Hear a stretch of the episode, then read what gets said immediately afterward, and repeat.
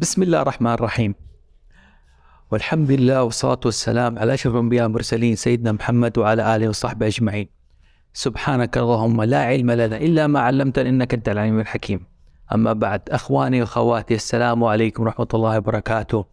معكم فوزي محسون آه، مشرف مجموعة المتفردون لصناعة المحتوى وصناعة البودكاست. هذه الحلقة من بودكاست هاوزوفي هي آخر حلقة من سلسلة الأساطير اليونانية. واللي بعنوان أساطير اليونانية الجزء الثالث ملاحم وحكايا من التراث اليوناني. هذه الحلقة بنستعرض لكم فيها أهم ما ذكر من قصص آه، وملاحم الأدب اليوناني. وأنا حقيقة أبدأ باعتذار لكم إخواني أخواتي بأني فوجئت من أداء أصدقائي المذهل المشاركين في هذه الحلقة. بأنهم أبهروني وأعطوني تفصيل لكل القصص والملاحم التي أسردوها. كان بالنسبة لي أنا مفاجئ لأني ما كنت مستعد لطول هذه الحلقة. فكنت مضطر في هذه الحلقة أني أختصر وأشرع لهم في الحلقة بإصبعي وبالكتابة أختصره أختصره لأني أنا شخصيا ما كنت جاهز لطول هذه الحلقة. لكن فعلا فعلا أنا أشكر.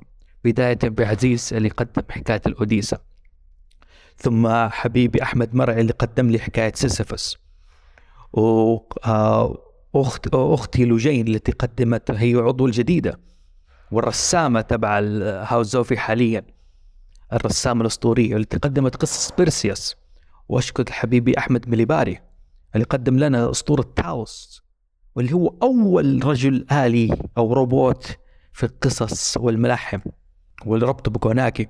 وأشكر آه، أختي أسيل واللي قدمت لنا قصة بيليروفون والكيميرا. وأشكر حبيبي وصديقي مؤسس الهاوس معي فراس قشقري والتي قدم لنا حكاية بطريقته العجيبة كعادة. وأشكر سيلفر كان وده يشارك معنا في هذه الحلقة لكن لم يستطع الظروف الخاصة واللي كان ناوي يقدم لنا قصة ديدالوس وإيكاروس. فأنا شخصيا أعتذر لأصدقائي وأشكرهم. واعتذر لكم أعزائي المستمعين أن إحنا اضطرينا نختصر هذه الحلقة بسبب أني أنا فوزي محسوم ما كنت جاهز. لكن نوعدكم إن شاء الله المرات القادمة أنه حنقدم دائما بالتفصيل وال... والطريقة التي عاهدتم بها بهافزوفي أنه بيحاول يذكر قدر الإمكان الأمور والنقاط المهمة. وبكذا نحن نكون أحب أضيف شيء إنه فعلا هذه نتيجة العمل المستمر مع أعضاء الهاوس. إنهم تمكنا أخيرا بالوصول للنقطة أنه نذكر التفصيل وهو المهم وربطه بعالم الثقافات الشعبية سواء كانت العاب وقصص مصورة ولا فيديو ولا ألعاب طاولة ولا روايات ولا أفلام ولا مسلسلات. أعتذر المرة الثالثة أصدقاء المستمعين وأشكركم لدعمكم لهذه الفترة ورغم انقطاعنا أخوكم الصغير فوزي محسون. السلام عليكم ورحمة الله وبركاته.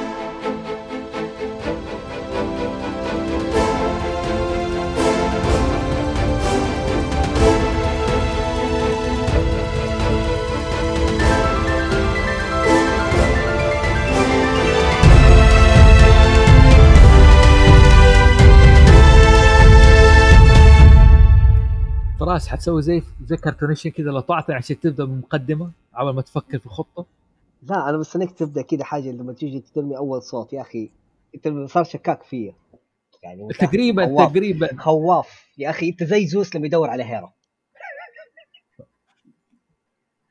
okay جرحني التشبيه كنت بقول زي مشاكل اليونان بس مو زي زوس زي هيرا لما تدور على زوس قصدك. لا انت من اول كذا جاي تبغى تتكلم وانت عارف اني حجيك لكن برضه في نفس الوقت ما أبغى اجيك في اللحظة اللي انت عارف انك جاي فيها. المهم السلام عليكم ورحمة الله وبركاته. معكم فوزي محسن هذه اللي المداخله كنت منتظرها. أيوه. أوكي ما ارتحت يعني ارتحت. لا ما علينا. اليوم إن شاء الله حلقتنا الأخيرة من الجزء الثالث من الأساطير اليونانية. آه آه قصص وحكاية من الأساطير اليونانية. حتكون العنوان اللي حنذكر فيها قصص كثيرة. يعني الحلقة دي حتكون دسمة. أوكي؟ الأساطير اليونانية الجزء الثالث قصص وملاحم حنذكر فيها آه أغلب قصص الإغريق. واليوم حيشاركونا أعضاء جدد. بإذن الله حيحكوا قصصهم. على طول دخلوا ورميته في وجه المدفع على طول. آه، أول شيء أبدأ بفراس حيكون معنا في الحلقة هذه. علبة شقيقة نعم. إيه. ومعانا ال- آه، الصفصطائي عزيز. أهلا وسهلا. هلا والله. أهلا وسهلا. وفي واحد صديق أخيرا جاء صاحب النظريات الخفشاريه عرف عن نفسك. مين أنا؟ يا فرحتك أيوه انت في أحد ال... في أحد يكيس غيرك؟ في أحد يفكر في أحد يكسر الصندوق غيرك؟ هو هذا هذا قوة الإرا- الإرادة. نعم. معكم أحمد مليباري معروف ديك هانتر؟ من زمان. من زمان ما سجلت. لا أنت من قدك اليوم؟ سجلت معنا حلقتين. كرتونيشي أيوة. قبل شوي ودحين آه، هاوس زوفي. شايف كيف؟ وفي عندنا عضو جديدة اللي أسميها الباحث السري حقتي. اللي تبحث وتحب تكتب اول مرة أرميها في وجه المدفع إنها تتكلم. عرفي نفسك يا أخت أسيل. هلا السلام عليكم. أنا أسيل قستي هذه تجربة جديدة والله بالنسبة لي والنعم. إنه أول مرة أشارك في التسجيل والنعم. لا حياك الله. يا هلا وسهلا. حتشوف الجو حلو لطيف يعني. نحن هنا في بودكاست هاوس زوفي. نحن نحب بعضنا ونكره بعضنا. hate love في نفس الوقت يعني. okay؟ فينا ال mic. ال mic هو المحايد مسكين يعني هو اللي تعبان نفسيا معنا في عضوة سمعت كل حلقات هاوس زوفي بصراحة كانت تستاهل جائزة الولاء. عشان كذا كانت عندنا يعني كثر ما هي وفية لنا جبناه قلت لازم اسجل معنا بودكاست خلاص انت عضوة معنا من اليوم بكرة كذا قلنا تفضلي تعالي تصير معنا في العضو. من season 1 ها؟ من أول حلقة فعليا. عرف بنفسك. يا أخت Hello everyone لجين الشريف أنا ال mythology artist لهاوس زوفي شوف عاطف التعريف. أنا mythology artist عارف كيف؟ جحدت كل الناس اللي رسموا قبل كذا وهي جد أنا خلاص. أنا اللي الجديد يعجبني يعجبني. اليوم لا مرة حاجة. عجبني الاسم كمان. وتو؟ هاوس زوفي ف I'm happy okay. mythology artist والله عجبني أنا. حلو حلو. خليكي كذا ال nickname انبسطت لما شفت ال title اللي حطيته. okay. حياكم الله. آه حنبدأ الحلقة الثالثة. في البداية ابى احب أتكلم شوية عن ال- عن العالم اليوناني وقصص وملاحمه شوفوا يا جماعة أنا ذكرت أكثر من مرة القصص ال- والأدب اليوناني متداول في أكثر من جهة. يعني ما في شخص معين جاء تكلم وذكر كل القصص اليونانية وهو اللي كان. كانت القصص هذه متداولة بين ألسن الشعب اليوناني ودائما يحكوها. وفي نفس الوقت كانوا دائما إيش؟ آه ينزلوا على شكل مسارح يعني كثير من القصص هي موجودة في المسارح. ما نعرف مصدرها غير من المسارح لكن هي معروفة متداولة بين اليونانيين. في نفس الوقت يعجبك في العالم حق اليونان وقصصه إنه عالم واحد متلاحم.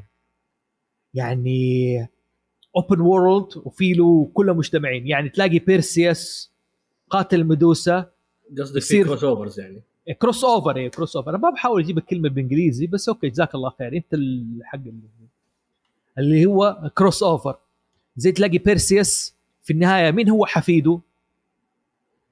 آه هيركليز من من أمه يعني. هيركليز من أمه نسبه من بيرسيوس آه وتلاقي إنه في جزيرة عاش جيسون ببحارة الأرجو. وفي زمن ما كان ثيسيوس موجود و King مينوس. فكلهم عالم واحد في يعني في أزمان مختلفة. فكان تقريبا فكرة ال crossover واضحة جدا في العالم اليوناني. صح في واحد يخلي هيركليز مثلا آه، يعتبر آه، قريب لبيرسيوس مثلا أو لا في ناس يقول لك هو حفيد أو في ناس تقول لك لا هم اقارب من بعيد لا في ناس قالوا هم أخوان. لكن دائما وفي النهاية هم عالم واحد وعارفين آلهتهم. هذه الميزة في القصص وما إيش آه اليونانية. في اي تعليق في براشة على فكرة الكروس اوفر هذا اليوناني ولا؟ ولا نبدأ على طول بالالياده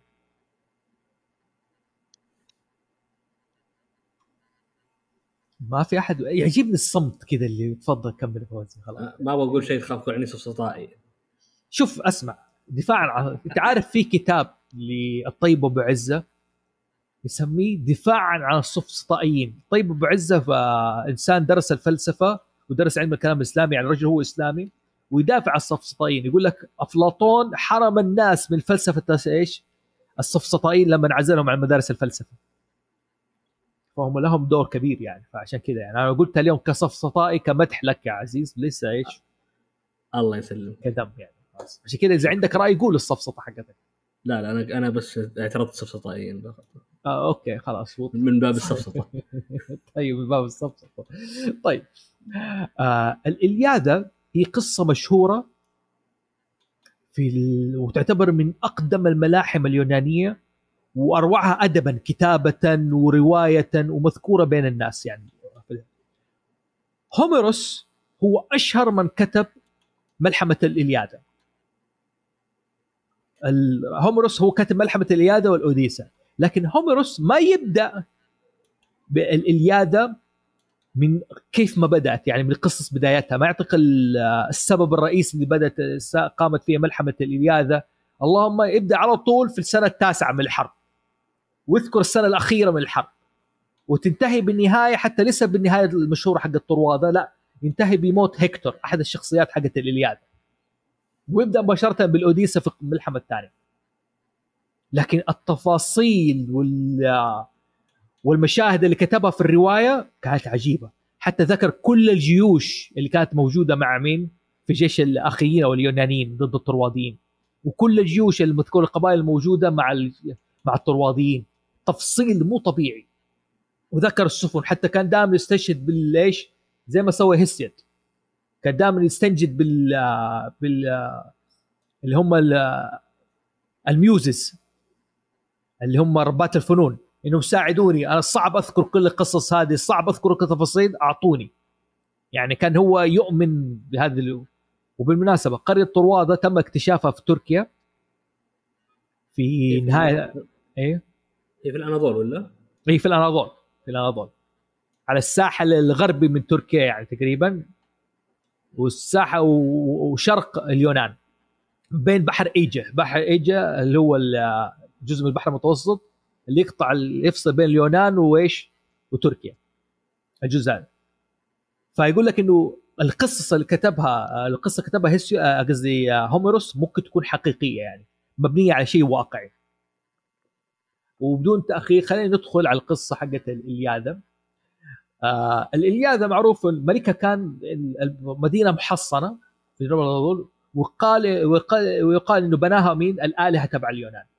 كان معروف الملك تبع اسمه من أعظم ملك اسمه بريام وتزوج شخصية اسمها هكبه. ذيك بريام أصلا عنده 50 ولد بالمناسبة يعني غير من آه، هكبه وعنده ناس كثار يعني لكن أشهر أولاده الشرعيين هم ثلاثة. هكتور الكبير والمحب لزوجته اندروماكي وابنه آه، أظن اسم ابن آه، أستيانكس ما عرفت أنطق اسمه بصراحة يعني وبنته الثانية كاساندرا كاساندرا كانت جميلة وقع في حبها أبولو وابولو عشان يعني يبغى يغويها أعطاها إيش؟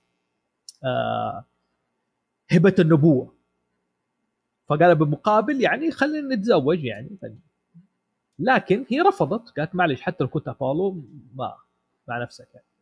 طب قال لها عشان لعانة فيكي حخلي اللبوة آه، النبوة دي لعنة إنه أعطاها إيش؟ غيرة شديدة وجنون طبيعي. فلدرجة كل ما تقول نبوة ما حد يصدقها.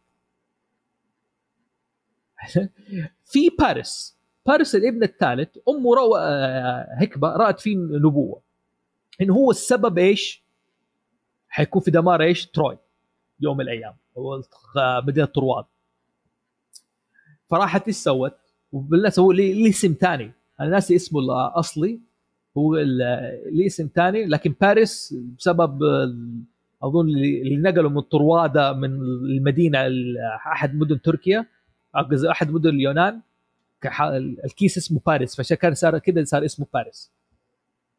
امه رات فيه نبوة إنه حيجي الدمار لمدينه طروادة. فهي ما تقدر تقتله ولدها. فأعطته لمين؟ لراعي. قال لي الراعي آه أنت تصرف وأقتله. لكن الراعي ده رباه. هنا يا جماعة يفكركم بقصة مين؟ موسى. آه لا موسى امه القته في اليم. إيه بس لا يعني راح ربنا ثانيا بالعكس. ها؟ أجل قصدك مين؟ هركليز يعني في ال... لا لا لا مو هركليز قصة قصة كرتونية مشهورة رواية أتوقع فير المفروض يجيبها يعني. إيش سوبرمان؟ لا لا يا شيخ. Snow White وال trope هذا في كل ما هي يا شيخ. Snow White هي فقعت من القصر وجاء القاتل قال لها أشرد انت وجاب اللي هو دم قلب الغزال. أظن هذا اللي افتكره كذا في الرواية حقت Snow White لا لا لا, لا، جابوه. طرزان إنه أخ- لا طرزان لا لا هو Snow White لحتى يشطح. طرزان دقيقة دقيقة. أنا أقول لك في تشبيه إيش؟ ل Snow White لما قالت للصياد أقتل. آه، هذا. هو آه، ما قدر يقتلها. إنه دائما. تلاقي شيء في أحد يوصي أحد إنه يقتله تلاقيه ما يقتل مثلا يقول له أطلقه ولا يربيه هم هو رباه حلو؟ آه في نفس الوقت يعني ال- كانت في آه شخص شخصية اسمها إيش؟ اسمها ليدا. ليدا هذه كانت أحد آه، ملكات اليونان. جاها زوز على شكل بجعة.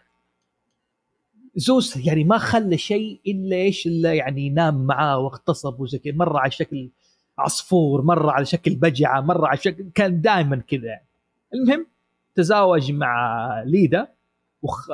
وأنجبت إيش؟ ليدا بيضتين. وكل بيضتين خرج منها إيش؟ آه طفلين. البيضة الأولى خرجت منها طفل اسمه كاستروبولكس والبيضة الثانية خرجت منها واحدة اسمها كلمتسترا وهيلين Helen of Troy اللي اللي المد... المعركة اللي صارت من أجلها يعني هيلين كانت جميلة جدا فطلب يدها ثلاثة أشخاص اوديسيوس وأجاكس واغمنون وقيل إنه ناس كثيرين طلبوا يدها هذا كل ملوك اليونان والكبار هذا طلبوا فهيلين خافت يعني إن هذا القرار حيكون إيش؟ صعب عليها إنها تتخذ قرار إنها تتزوج شخص وفي النهاية إيش؟ يعني ممكن تصير مذبحة. هنا أتدخل أوديسيوس. أوديسيوس قالوا يا جماعة اللي لازم نحن نتفق نحن كيونانيين إنه أي شخص حيتزوج آه، هيلين نحن نحميه. ناخذ على العهد. وفعلا اتفقوا وعاهدوا. فجات آه، فاختارت ميلانيوس هو اخو اغمنون آه بس لحظة مداخلة. تفضل. أوديسيوس من الناس اللي خطبوها؟ yes. قبل ما يتزوج بينالوبي قبل ما يتزوج بينالوبي okay. قبل بينالوبي تمام. هذه قصة يعني هذه الرواية. ممكن ناس جابوها من كده بس اوديسيس هو اللي قال لازم نحن إيش نحقق العهد هذا. وبكذا تزوجت هيلين ميلانيوس اللي هو ملك سبارتا أخو اغمنون اغمنون الناس- منهم. يا يا ما عليه. ما حعرف أنطق اسمه للصبح يعني ما عليه. ثيتس وقيل إنها ميتس ملكة الماء. تزوجت من آه، أحد ملك المرموديين أحد الجزر اليونان و- وزوس بمناسبة هذا الزواج أقام مأدبة في عنده في القصر وقال يعني كلكم وعزم كل الآلهة ما عدا آلهة واحدة مين هي؟ مين يعرف؟ وذكرناها في الحلقة الأولى لأنها مهمة يعني اريس اريس الملقبة ب Discord أو انها هي إله الخلاف أو إله Discord ما انعزمت. فقالت أنا ما انعزم أنا حسوي لعانه أخذت جابت سوت تفاحه من ذهب ورمتها وسط الحفلة هذه حقت إيش؟ اللي زوج آه، آه، زوج. سيتس آه، من ملك المرموديين اللي في في مأدبة زوس وقالت الأجمل من الآلهة هي اللي تستحق التفاحة دي. طبعا فتسابقوا الآلهة بالذات الثلاثة هيرا أثينا وافرودايت نحن الأجمل. نحن اللي إيش آه اللي نست... كل واحد يقول أنا اللي أستحق. وطلبوا من زوس التحكيم. زوس كان دائما ما يحب يسوي مشاكل. قال أنا ليش أسوي مشاكل؟ جاب قال أنا أختار أحد من البشر وخليه هو يتنكب بالموضوع ده. أختار مين؟ باريس الراعي. وقال يا باريس أنت اللي أحكم بينهم. مين اللي تستاهل التفاحه هيرا راحت لباريس قالت له أنا حخليك ملك آسيا وأوروبا إذا اخترتني أثينا قالت له أنا حخليك أعظم محارب في اليونان. أفرودايت عارفة إيش يعرف إيش يبغى باريس. قالت له أنا حخليك تتزوج أحلى واحدة إيش؟ في الوجود. باريس يعني كشاب يعني و... وعاش راعي ويبغى يعني كان يتوق للزواج. yes يعني. فقال افروديتي ف افروديتي اخذ التفاحة وبالمقابل هنا آه افروديتي قالت له خلاص أنت أنا حتعهد بحمايتك. قالت له روح سبارتا وحتلاقي حبيبتك هناك. وفعلا راح سبارتا ولقى هيلين وهيلين وقعت في حبه بلعنة من افروديت وراح خطفها إيش؟ لل آه، وراح بيها بتروي. جميل. هيكتور أبوه شاف ولده عرفه وتبناه قال خلاص أنت ولدي وأنا أحبك خليك معي يعني. هيكتور زعل من هذا أنت تفشلنا أنت ما عندك خلاص كيف تأخذ واحدة متزوجة ما حتدخلنا بحرب هنا كاساندرا تنبأت وقالت هذه أقتل باريس ورجع له هذه حتسبب هلاك اليونان. لكن عشان معروف إنها مجنونة ما صدقوها. هنا الإغريق تجمعوا. لما عرفوا إنه ما إنه باريس خطف زوجة هيلين زوجة ميلانيس هيلين. وما تعهدوا إنه يحموا آه، ملك اليون الملكه اللي حتزوج هيلين. فكلهم إيش؟ خرجوا في المراكب وجهزوا لهذه الحرب. من ضمن الناس اللي كانوا مشاركين في الحرب أخيل. أخيل هو زي ما قلنا إيش؟ أخي ما قلنا اخيل هو آه، ابن ثيتس والملكه المرمدانيين اللي تزوجته وهي كانت عندها حب لولدها فأول ما تولد ولدها إيش سوت؟ مسكت أخيل راحت عند نهر ستيكس المشهور وغمسته في إيش؟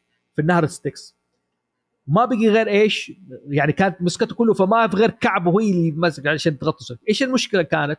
إنه هي لو نزلت يدها في النهر ستيكس حتصير إيش؟ غير خالدة. عشان كذا ما نزل، طبعا الناس يقول ليش ما ربطت بخيط ونزلته ليش مدري إيه؟ خلاص يا جماعة القصة كذا يعني.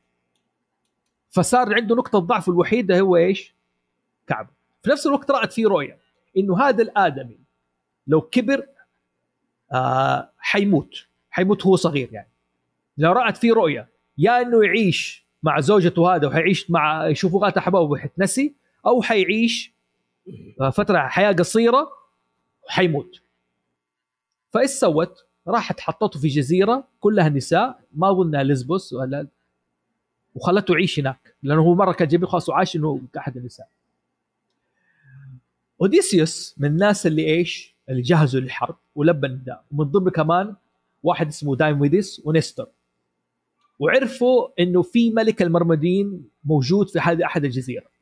فأوديسيوس كان معروف إنه آه، حيال يعني رجل حيل ذكي أذكى اليونان. فايش عمل؟ جاب درع وعرضه على النساء. قال مين يستاهل هذا النساء؟ فالبنات آه جميل العرض جميل الدرع وهذا. لكن في نفس الوقت نفخ ببوق الحرب. هنا اخيل قام واخذ الدرع ولبسه وبان هو اللي هو يعتبر من أعظم إيش؟ محاربي اليونان. وبالتالي دخل كملك المرمدانيين في الحرب هذه. هنا اجمنون اجمنون حق مشاكل يعني بالمناسبة يعني. أساس إنه كان يبغى يتجهز للحرب والسفن جهزه. كان قتل أحد الغزلان اللي تحبها أرتمس اللي تعتبر أحد آه، ممتلكات أرتمس. فأرتمس إيش سوت؟ لعنت السفن وعكست اتجاه الرياح. فهم الحين بيستعينوا بها راحوا لأحد النبوات هنا عزيز ركز معايا. ركز معي على المقطع ده. أباك بمجرد ما اشبه أقول لي يشبه إيش يمكن الناس كلها تعرف واللي تابعت الشيء ده. قالت له قالت له النبوه قالت له أنت علشان تعكس الحالة الجوية المناخ الجوي اليونان وتبحروا على جهة طروادة بالسفن هذه اللي جمعت لازم تضحي ببنتك للآلهة. فضحك عليها وقال لها حروح أزوجك وراح لقيت نفسه عند مذبح وذبحها وفعلا انعكست. يفكرك بإيش عزيز؟ قصة إبراهيم والسوير عليه السلام. يا الله. أنت اليوم مرة مؤمن اليوم داخل عارف كيف الإسلام؟ يا هو يا طيب هو لا لا لا لا لا. أبو شيء إحنا ما ضحينا. أنا عارف بس إنه يعني لا لا في مسلسل هو قريب من المسلسل يا جماعة. مسلسل تابعته. شخص لازم يذبح بنته؟ ذبح بنته عشان يغير الحاله الجوية.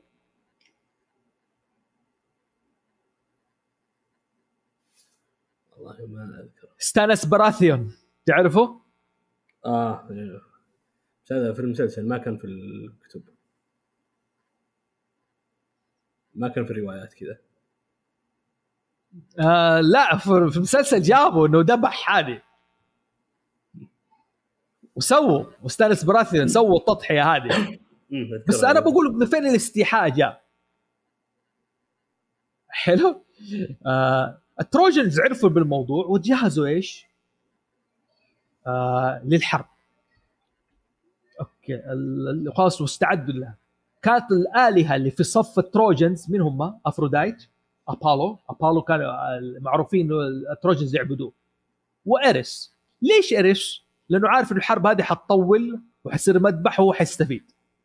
أما كانوا مع اليونانيين والاخيين أثينا وهيرا وبوسايدون الحرب هذه لما وصلوا الغريق وبدأت الحرب استمرت تسع سنوات.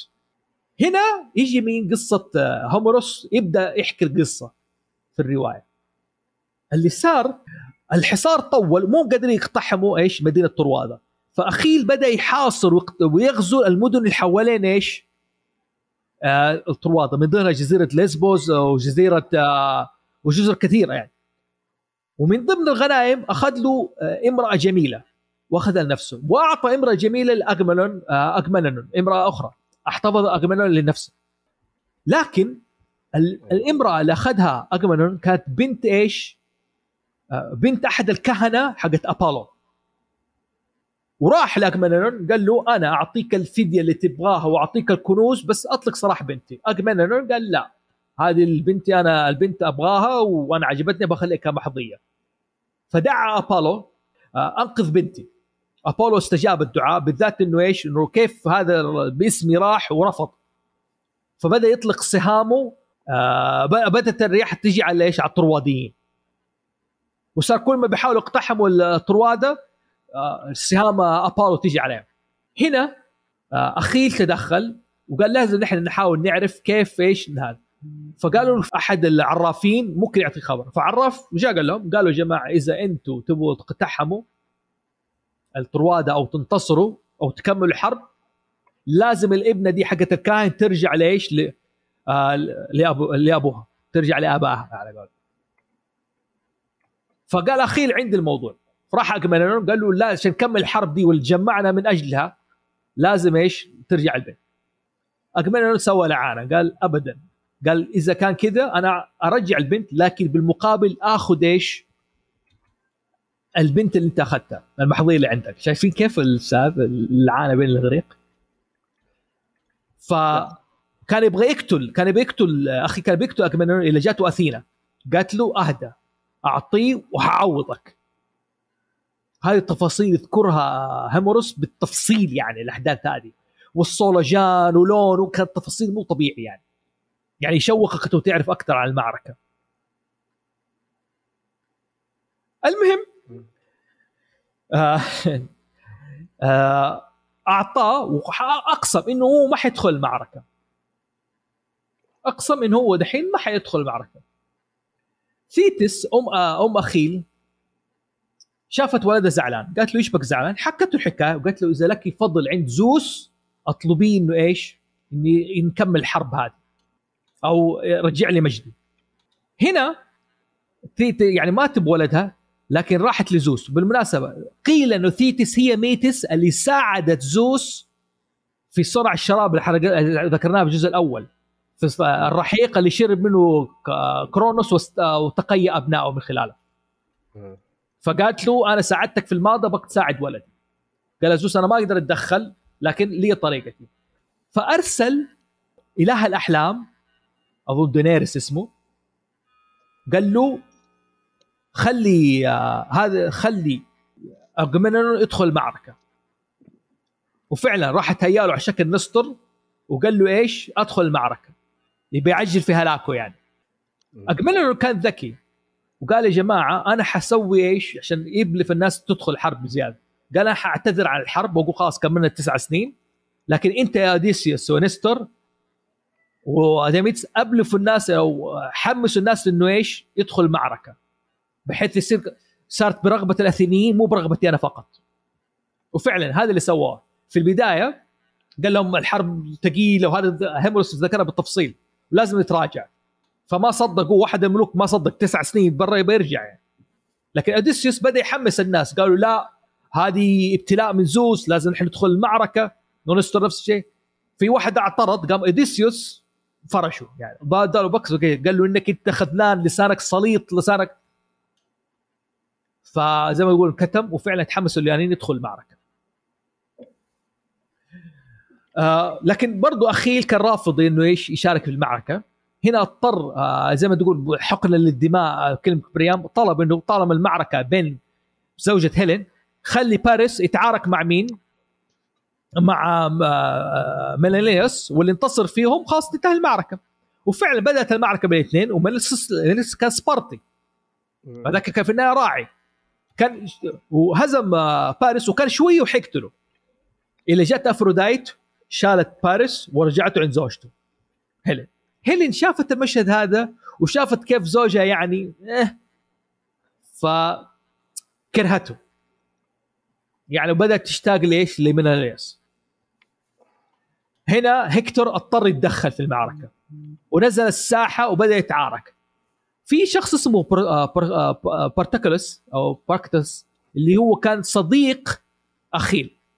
بالمناسبه كانوا يقولوا في بين الباركتكس واخيل علاقه لكن واضح انه بسبب مشاكل اخيل كانت عنده كانت عنده زوجه وكانت عنده وكان عنده ابناء وكان يعني وزعل ودخل حرب بعد ما انشالت منه المحظيه آه قصدك؟ كان بينه بروماس أكثر من علاقه إيش؟ يعني علاقه شذوذ إيه. قول قول قول قول قول رايك آه شوف هم حال شوف أول شيء هذا الإغريق. في الإغريق كانوا أصلا يعني أنت عارف كلهم يمين ويسار يعني. هذا اللي كان وقتها هذا شيء. الشيء الثاني حاليا هذا الفكر طبعا آه يعني إلا بيدخلون الأشياء هذه في كل شيء. زي ما أنت شايف Netflix في كل شيء. هم أيوه. توجههم هذا. فحتى لو تلعب لعبة Hades الأخيرة يعني إلا بيدخلون بيخلونهم يعني جابوهم فيهم علاقة بينهم علاقة حب يعني. إيه إيه. علاقة حب واضحة كانت ما أنا أزعجني الموضوع ده لأنه عارف إنه بارتكلس ما المهم بارتكلس دخل ولبس درع يمين آه، درع أخيل وتنكر على أساس إنه هو أخيل على أساس يقود المعركة. هيكتور نزل على أساس يتبارى مع أخيل لكن طلع لكن هو بيتعارك كان بيتعارك باركتلوس ما طول إلا قتل إيش؟ يعني باركتلوس فشك فرفع القناع لقى مين؟ لقى إنه مو أخيل. هنا أخيل عرف إنه هذا فاضطر يدخل الحرب. على أساس ينتقم وكانت في الغضبه إنه دخل بغضبة. وهنا أمه جات أعطته إيش؟ آه درع آخر من الآلهة. قالت له أدخل المعركة. إنها تحمي هيكتور هنا دحين زي ما تقول أتورط. قيل إنه هيكتور هرب من المعركة وصار يلف حوالين طروادة. لكن الرواية الثانية بتقول لا هيكتور استبسل لكن عارف نهايته. لكن كانت زوجته وولده يشوفوه من فوق. لأنه ما في أحد أقوى من اخيل ف آه اللهم صل محمد. فدخل المعركة وفعلا انتصر أخيل على هيكتور. بس هيكتور طلب من أخيل قال له لا تمثل بجزتي احتمال احتراما للفروسيه اللي بيني وبينك لكن أخيل لا. بعد ما قتل هيكتور راح سحله بجثته وعلقه ومثل فيه. في آخر الليل الملك بريام يتسلل من من ترواده ويدخل خيمة أخيل وطلبوا إنه إيش؟ إنه يرجع ولده جثمان ولده. فحزن يعني. فأعطاه جثمان ولده وقيمت له أكبر عزاء في طروادة يعني هي خيم الحزن بينهم. آه هنا بدأت اللهم إيوه هنا أخيل ما تقول خلاص مضطر يشارك في المعركة وحاول يقتحم إلا فجأة يجي له سهم من بعيد فين يصيبه؟ في كعب رجله.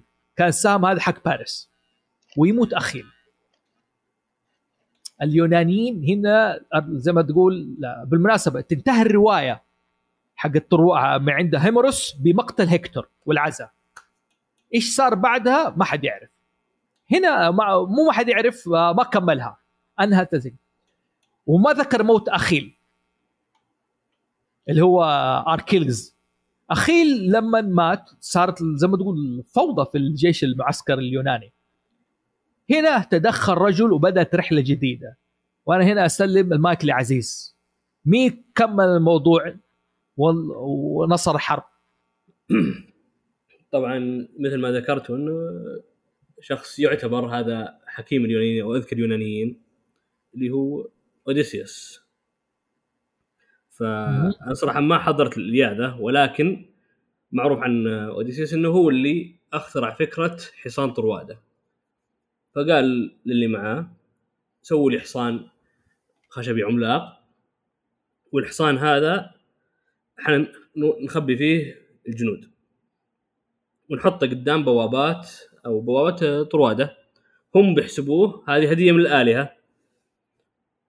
طبعا وفعلا حطوه عند الباب وشافوا الطرواديين قالوا هذه هدية من الآلهة وأخذوه ودخلوه واحتفلوا وق- وقالوا وطبعا آه، الجيش انسحب. قالوا هذه نهاية الحرب وهذه هدية من الآلهة وحنا فزنا وإيش؟ وقضوا الليل يحتفلون كله. طبعا احتفلوا وسكروا وناموا كلهم. يوم ناموا انفتح الحصان طلع من الجنود وفتحوا البوابات. ودخل الجيوش يعني رجعت الجيوش دخلت وافتكت فيهم يعني. وبذلك انتهت الحرب. ولا يا فوزي. آه، أضيف على هنا ال... في حاجة بعد ما انتهت الحرب. أو قبل ما تنتهي مو انتهت الحرب قد ما إنه في قبلها كاساندرا قالت يا جماعة لا تدخل الحصان هذا لكن برضو ما حد يصدقها عشانها مجنونة. ودخل الحصان. والحرب انتهت على هنا وكانت في أحداث انتهت بعد الحرب هنا بالمناسبة يعني. آه كس... كاساندرا س- كانت نهايتها محزنة شوية. كاساندرا راحت بعد ما دخل اليونانيين وبدأ يقتل البشر وتخلصوا وزي ما تقول يغزوا ويسرقوا الغنائم والمتاحف تبع طرواده آه كاساندرا راحت معبد أثينا. حلو. لكن وجاك أجاكس أحد الملوك اللي خطبوا هذا ولي قصة. آه، أخذ كاساندرا محظية لها. لكن عشان هو سرقها من معبد أثينا أثينا انقهرت. قالت يا جماعة أو مو قالت يا جماعة قالت إنه آه راحت لعنت أجاكس وفعلا مات أجاكس. ما أدري كيف مات والله ناسي بالطريقة اللي- لكن بعد كده مين كمل أخذها محظيه اجمنون اجمنون أخذ كاساندرا وإيش؟ واحسس إنه تصير محظيه عنده زوجته غارت وراحت إيش؟ قتلت اجمنون في الفراش. أجاء ال- بعد كده كاساندرا ما ناسي والله إيش صار فيها أظن زوجة احد الملوك أو ماتت ماني فاكر بالضبط يعني. لكن هيكتور زوجته ولده جاك ولد أخيل وانتقم منهم. رمى ولد هيكتور من أعلى أحد أبراج طروادة تخلص منه وأخذ زوجة أخيل محظية عنده. زوجة هيكتور محظية عنده. فكانت من ضمن القصص المحزنة. وبالمناسبه مرة تنتهي قصه ال Trojan في ناس هربوا أوكي من ضمنهم واحد اسمه إنياد اللي هو يعتبر ابو الرومانيين والرومانيين كملوا قصة الإنيادة من هروب إنياد من ال Trojan اللي راح لهذا روما وأسس المدينة ال- ال- المكان اللي فيه حتصير فيه روما واللي جاءوا الأولاد رومولوس الاخوان رومولوس الثاني اللي هم آه رضعتهم الذئاب. كذا تنتهي الإلياذة دي يعني بالطريقة المحزنة هذه. اوديسيوس كان راجع. إيش صار في اوديسيوس يا عزيز؟ هنا تبدأ اللي هي رواية الثانية رواية هوميروس الثانية اللي هي يسمونها الاوديسا طبعا الاوديسا أكيد مر عليكم عبارة Odyssey سواء كانت يعني أو المصطلح مشهور جدا. أقرب شيء اللي هو Assassin's Creed الأخيرة أو مو بالأخيرة اللي قبل الأخيرة اللي احداثها في اليونان اسمها Assassin's Creed Odyssey أيضا لعبة Super Mario الأخيرة أو مو بالأخيرة اللي آخر جزء آه، لعب آه، single player كانت Super Mario Odyssey فمصطلح Odyssey عبارة مشهورة فمصدرها اللي هي الري... ال- القصة التالية اللي هي The Odyssey المبنية على اوديسيوس فتبدأ أحداث القصة آه أو هي أحداثها هي تحكي عموما الأحداث اللي بعد حرب Troy. فيعني ما حد بيعترض عليك لو سميتها Troy Story 2 فاللي آه تحكي قصة كيف رجع لا إله إلا الله أوديسيوس إلى أوديسيوس إلى إلى مملكته اللي هي في إيثيكا أو إيثيكا بعض الناس يسمونها وكيف رجعت زوجته بينيلوبي وابنه تليماكوس ومثل ما طبعا هوميروس مثل ما بدأ قصة الإلياذة بداها من النص تقريبا. أيضا نفس الشيء. قصة Odyssey يبدأها من النص ما يبدأ من البداية. يبدأ القصة تقريبا بعد أحداث الحرب بسبع سنوات.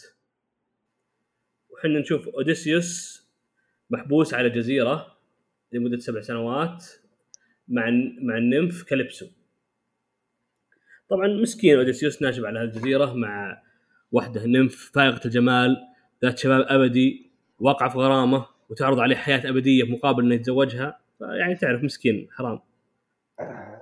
ولكنه ولا تنسى أهلا. عفوا عبد أهلا العزيز. أحمد. ولا ت...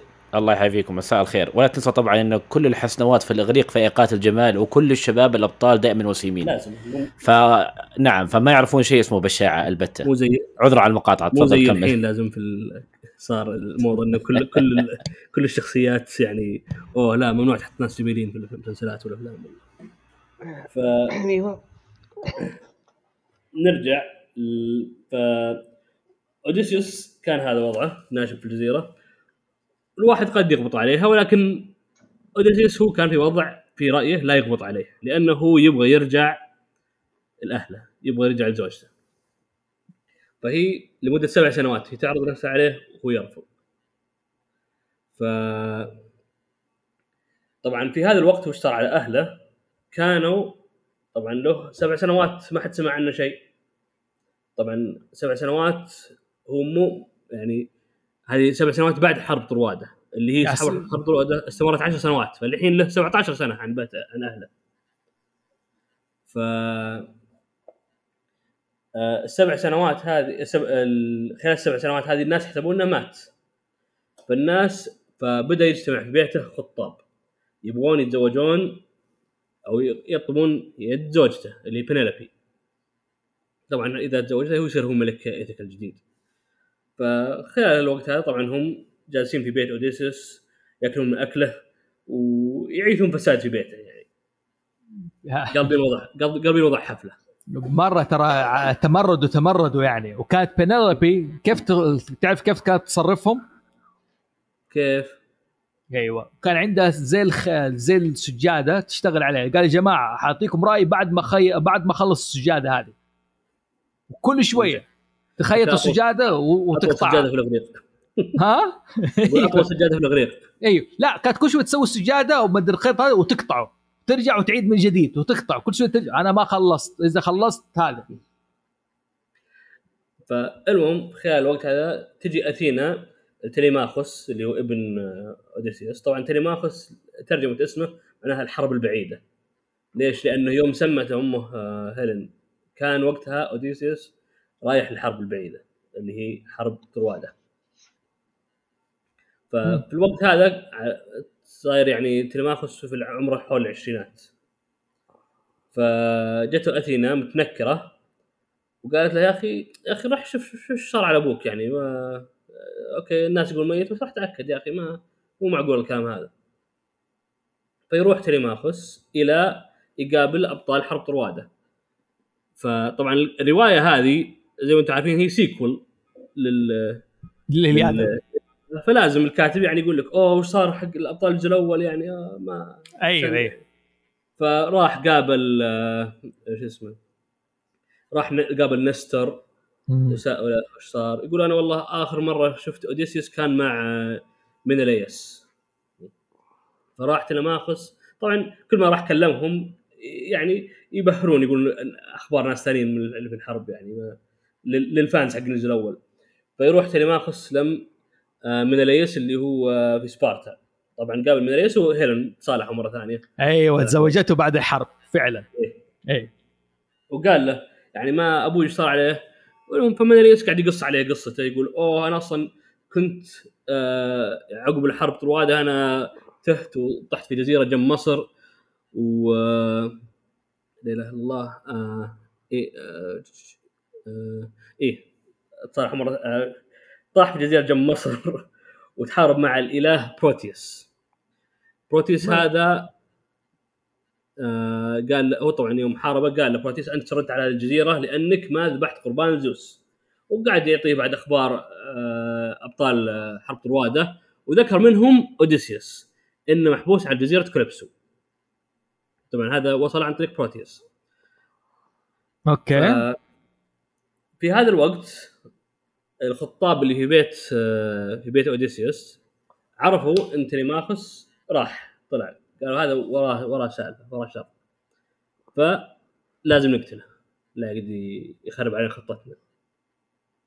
فبدأوا يخططون لقتله.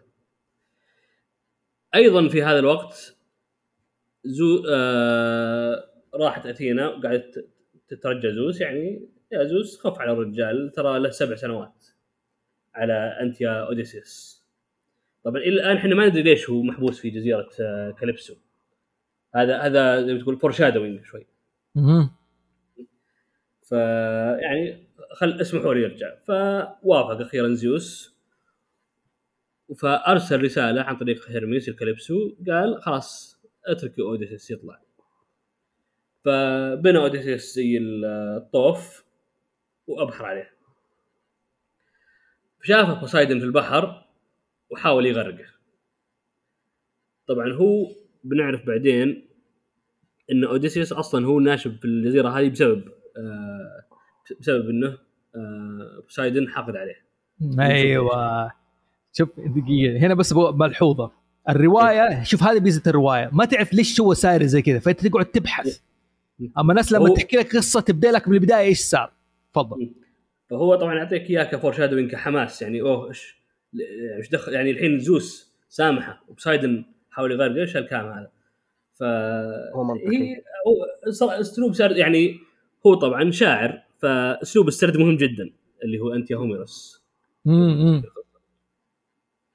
ففي نفس الوقت آه إيه.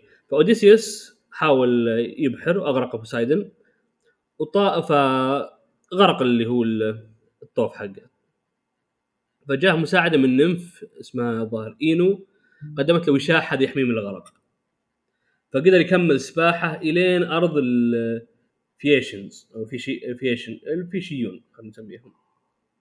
وانهار على شواطئهم. ففي نفس الوقت جت أثينا وطلعت في حلم الأميرة أميرة البلاد اسمها نوزيكا أو نوسيكا. وعطتها وحي يعني انزل الشاطئ غسلي ملابس أبوك واخوانك دقيقة دقيقة بس بس بوقفك. إيش اسمها ناسيكا؟ نوسيكا إيه. هذا مو في فيلم لميازاكي. نفس ناسيكا؟ نفس أيوه. الاسم بس انه شخصيات مختلفة يعني Valley of the Wind نوسيكا بس إنه يعني اسم يعني هيلن مين الوحيد اللي اسمها هيلن يعني أيوه أيوه أيوه أيوه, أيوه. فالهم واح- واحت لها للنزول للشاطئ فنزلت هي وخادماتها و... وقاعد يغسلوا ملابسهم طبعا في من هوميروس تبهير أو إنهم قاعد يغسلوا ملابسهم متوسخه وقاعد يرقصون كذا كذا. مو مشكلة زبدة حصلوا أيضا آه، أوديسيوس كان غرقان واحدة منهم كانت تلعب بالكورة وشافته وهو هو عريان وزعقت وقام و... يعني الزبدة. آه زي اللي أعت- أعتذر منه وقال أنا ك... أنا يعني أنا مسكين ساعدوني. ودته لهم أبوها الملك. فهنا قال لها قال الملك قال أنا أوديسيوس. وبعطيك قصتي. فهذه نهاية الجزء الأول. فالقصة ط- طبعا هي القصة مقسمة ثلاث أجزاء. الجزء الأول اللي هو هذه المقدمة. كيف؟ الجزء الثاني اللي هو يبدأ أود- أوديسيوس يقول كيف وصل للحالة هذه. فيبدأ الجزء الثاني نرجع لنهاية حرب طروادة. ف. أوديسيوس يحكي للملك يقول حنا بعد الحرب فزنا على ال- على الطرواديين وحنا راجعين قالوا خلينا نشن غارات على بعض الجزر المجاورة اللي كانوا بالذات اللي كانوا أصلا واقفين مع الطرواديين.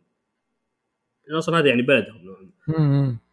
شنوا بعض الغارات طبوا على جزيرة وبدأوا يعني يقتلون رجالهم يسبون نسائهم يأخذون مواشيهم أحد الجزر قلبوا عليهم شنوا عليهم هجوم مباغت هم نايمين فانحاش أوديسيس واللي معاه على سفنهم وهناك بدأت المشاكل آه زوس طبعا ما عجبته الحركات هذه إنهم يغدرون فيهم في, آه في الناس المساكين وطبعا هذا كلامهم يعني. فأرسل عليهم عاصفة. العاصفة هذه أجدعتهم على شواطئ ناس اسمهم أكلة اللوتس أو هو سماهم أكلة اللوتس. لأنهم كانوا بعضهم يأكلون اللو... كانوا يأكلون اللوتس وزي اللي يحششون. ف طاقم طبعا من الأشياء اللي بتلاحظونها في القصة ان طاقم أوديسيوس كلهم حمير. okay؟ فراحوا لما هذا شافوا ناس محششين وقالوا قالوا خلينا ناكل زيهم ونحشش معهم. فأكلوا من النبتة هذه وما عاد بغوا يقومون. فاضطر أوديسيوس يسحبهم سحب للسفينة. أوه. ف هذه ال... أو الشيء الأول اللي واجههم. بعدها طاحوا على جزيرة السايكلوبس.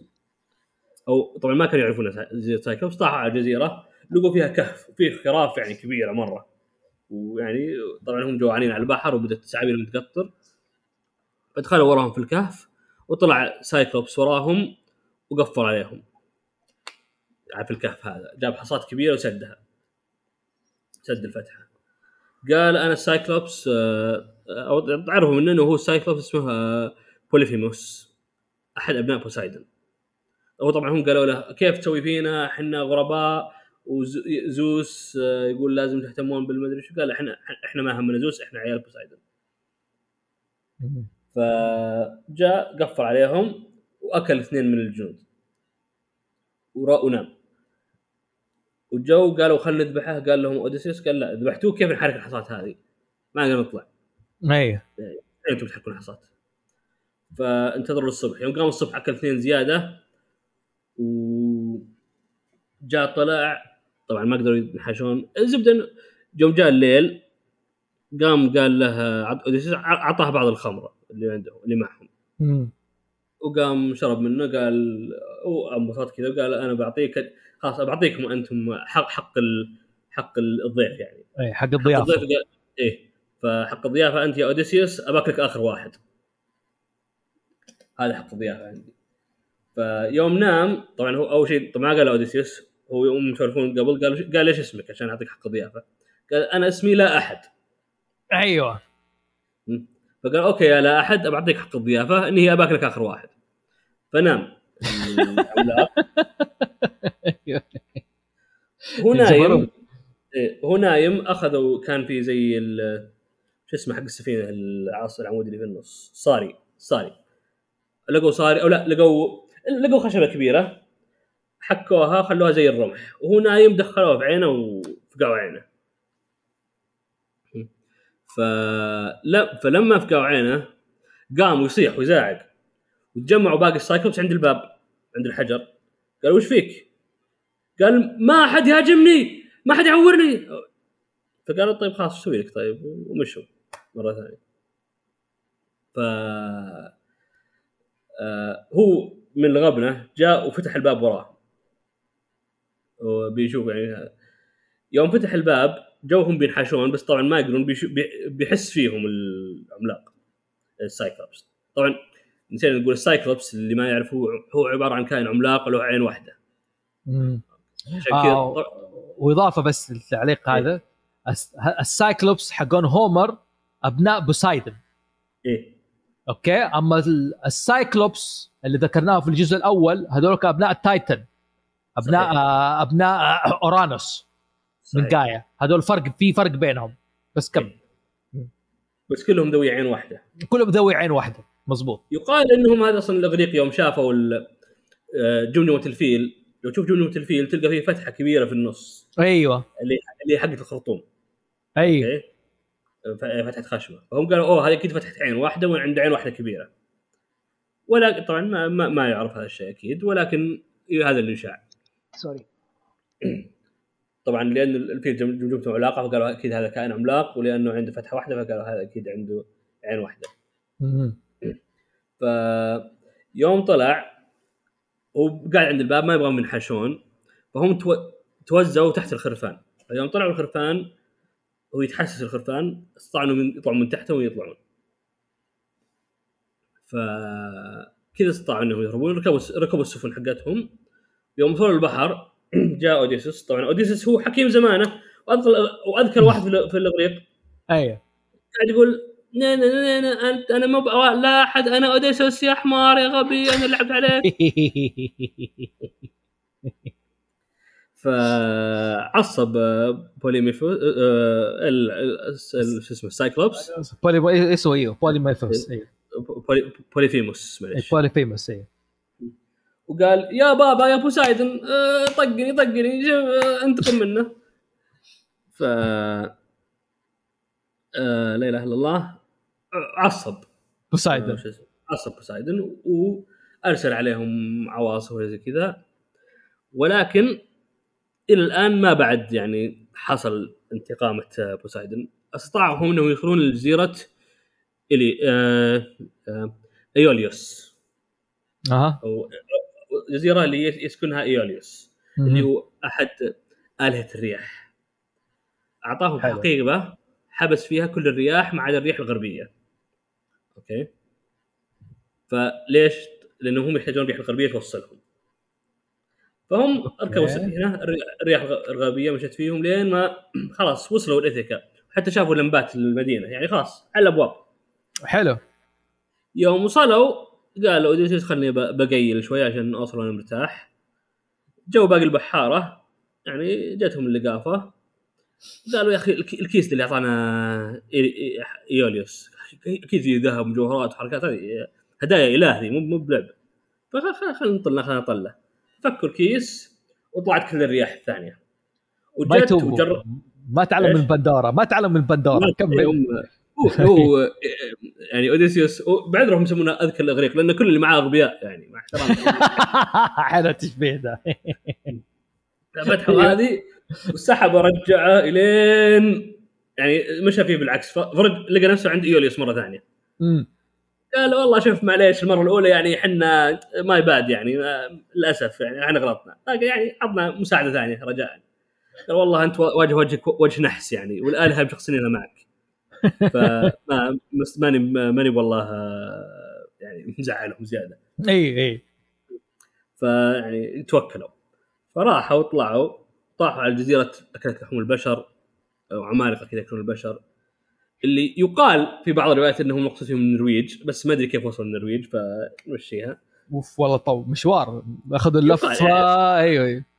وتعرف الروايات القديمة. أيوة. فالهم دمروا كل السفن ما عدا سفينة أوديسيوس. بقت سفينة واحدة سفينة واحدة. أمم. بعدين وصلوا لجزيره اسمها أيايا. هي تقتلها الساحره اسمها سيرسي. سيرسي ابنة هيليوس. هذه ساحرة. حلو. يا جماعة خليت في سيرسي جات اسمها فين؟ عزيز. أقدر أقول لك أقول ولا أخلي الضيف قول قول؟ قول قول. سيرسي طبعا معروفة. اسمها في شو اسمه Game of Thrones. في Game of Thrones. بس الناس تربطها. وكمان سيرسي جاتها ظروف كمان في سيرسي في عالم DC. اي في ساحره أيضا sorceress yes yes. يعني آه، برضه من الأمازون. فسيرسي ابنه هيليوس نزل الطاقم حق أوديسيس لاكتشاف الجزيرة. طبعا نزل الطاقم قبل أوديسيس كان لا لا يزال على السفينة. أعطتهم نبيذ يوم سكروا كذا شوي طلعت الصولجان حقها وحولتهم إلى خنازير. طبعا حاولت عشان تاكلهم. لما تأخروا نزل أوديسيس بيدور عليهم طلع له هرميس قال له انتبه ترى صار كيت وكيت. بس خذ هذا. لا لاحظ إنه هيرميس دائما يطلع مر زي ما قلنا الحلقة اللي فاتت إنه د- مشهور في القصص ال Greek إنه شيء هو يفزع مع البشر كثير. مم. فدوره مرة ف- مهم أكثر من الآلهة. هو ال- ال- ال- شو اسمه الصبي حقهم يرسلون كل مكان. يا صبي روح شوف كذا يا صبي آه، أعطاه كذا عشبة تحميه من السحر. صار immune to magic plus 100% magic immunity فعطته سيرسي النبيذ ما أثرت فيه. يوم رفعت سولجانها هو رفع سيفه. طبعا هي. استسلمت. هو هو سيف الصدقي مو مو this is not metaphor يعني. إيه. سيف سيف الفعلي مو مو مو, مو, مو, مو بالمعنى الإغريقي يعني. أيوه okay okay. أيوه. طبعا هو محارب وهي mage فتحصل عنده بس 2 اتش يعني 20 اتش بي ولا شيء فاستسلمت على طول. آه, آه يعني حلو. mage ما ينفع معركه melee. مضبوط ف- هو tank هو يعني أهم شيء إنه melee يعني ما اي okay. ف لهم استسلمت. رجعت البشر حق الطاقم حقه بشر زي ما كانوا وقعدوا في الجزيرة سنة كاملة يلعبون يروحون ويسكرون ويحتفلون نفس. يوم قال يوم قال اوديسيوس يلا خلاص ولا لعب خلينا خلينا نرجع هل ينتظروني؟ قالت له سيرسي آه يعني شوي شوي قبل ما. هذا روح اسأل واحد يعني لازم تاخذ بكلامه يعني هو هو بيعلمك كيف ترجع. قال طيب مين هذا؟ قالت آه تيريسيوس تيري... إيه تيريسيوس العراف الأعمى وين احصل الأعمى هذا العراف الأعمى؟ قالت هو شوف هو عراف وهو أعمى وهو أيضا ميت. فتروح تحصله عند هيديز. اسمه إيش؟ آه تيرسيوس. تيرسيوس. أوكي طيب حلو. فراحوا لم مملكة هيديز. طبعا راحوا بالسفينة وراحوا منطقة كذا. هيديز في الاغريق تقدر تدخل من عند لو عندهم يعني أماكن تودي. راح وسوى هناك زي التعويذة جذبوا الأشباح وجاهم حتى يعني جو عدة أشباح بس قال لهم آه، أوديسيوس ما حد يلمس يعني ما حد يشرب الدم هذا أو يلمس. طبعا هم في التعويذة ذبح خروف إلى آخره. وقال لهم ما حد يلمس الدم هذا لين ما يطلع لي تيرسيوس. حتى شاف أمه شبح أمه وقال لها لا, لا ما تجين. فاخ يطلع لهم تيرسيوس. وقال إنه طبعا هو عراف فتنبأ قال تقدرون ترجعون بشرط إنه ولا واحد منكم يؤذي بقرات هيليوس على جزيرة ثرنسيا أوكي. مرة ثانية. لا ت... لا تلمسون بقرات هيليوس على جزيرة ثرنسيا قالوا أوكي. قال واضح؟ قالوا واضح. وش هي مرة ثانية؟ لا تلمسون بقرات هيليوس على جزيرة ثرنسيا أوكي. خلاص. I'm gonna touch it. أيوه. أيوه. تعرف أكيد بع- أكيد بعد ما مشي وكذا كان يقول they gotta touch it. يا يا. بالمناسبه يعني بالمناسبة ترى في مشهد يعني أوريك دائما تكرار المشاهد انعكس على افلام مين يفتكر Monsters, Incorporated أو شركة المعلبين المحدودة الجزء الثاني؟ أيوه. لما دخل المسابقة. Yeah. أوكي وقالوا لهم يا جماعة لا تلمسوا القنافذ هذه.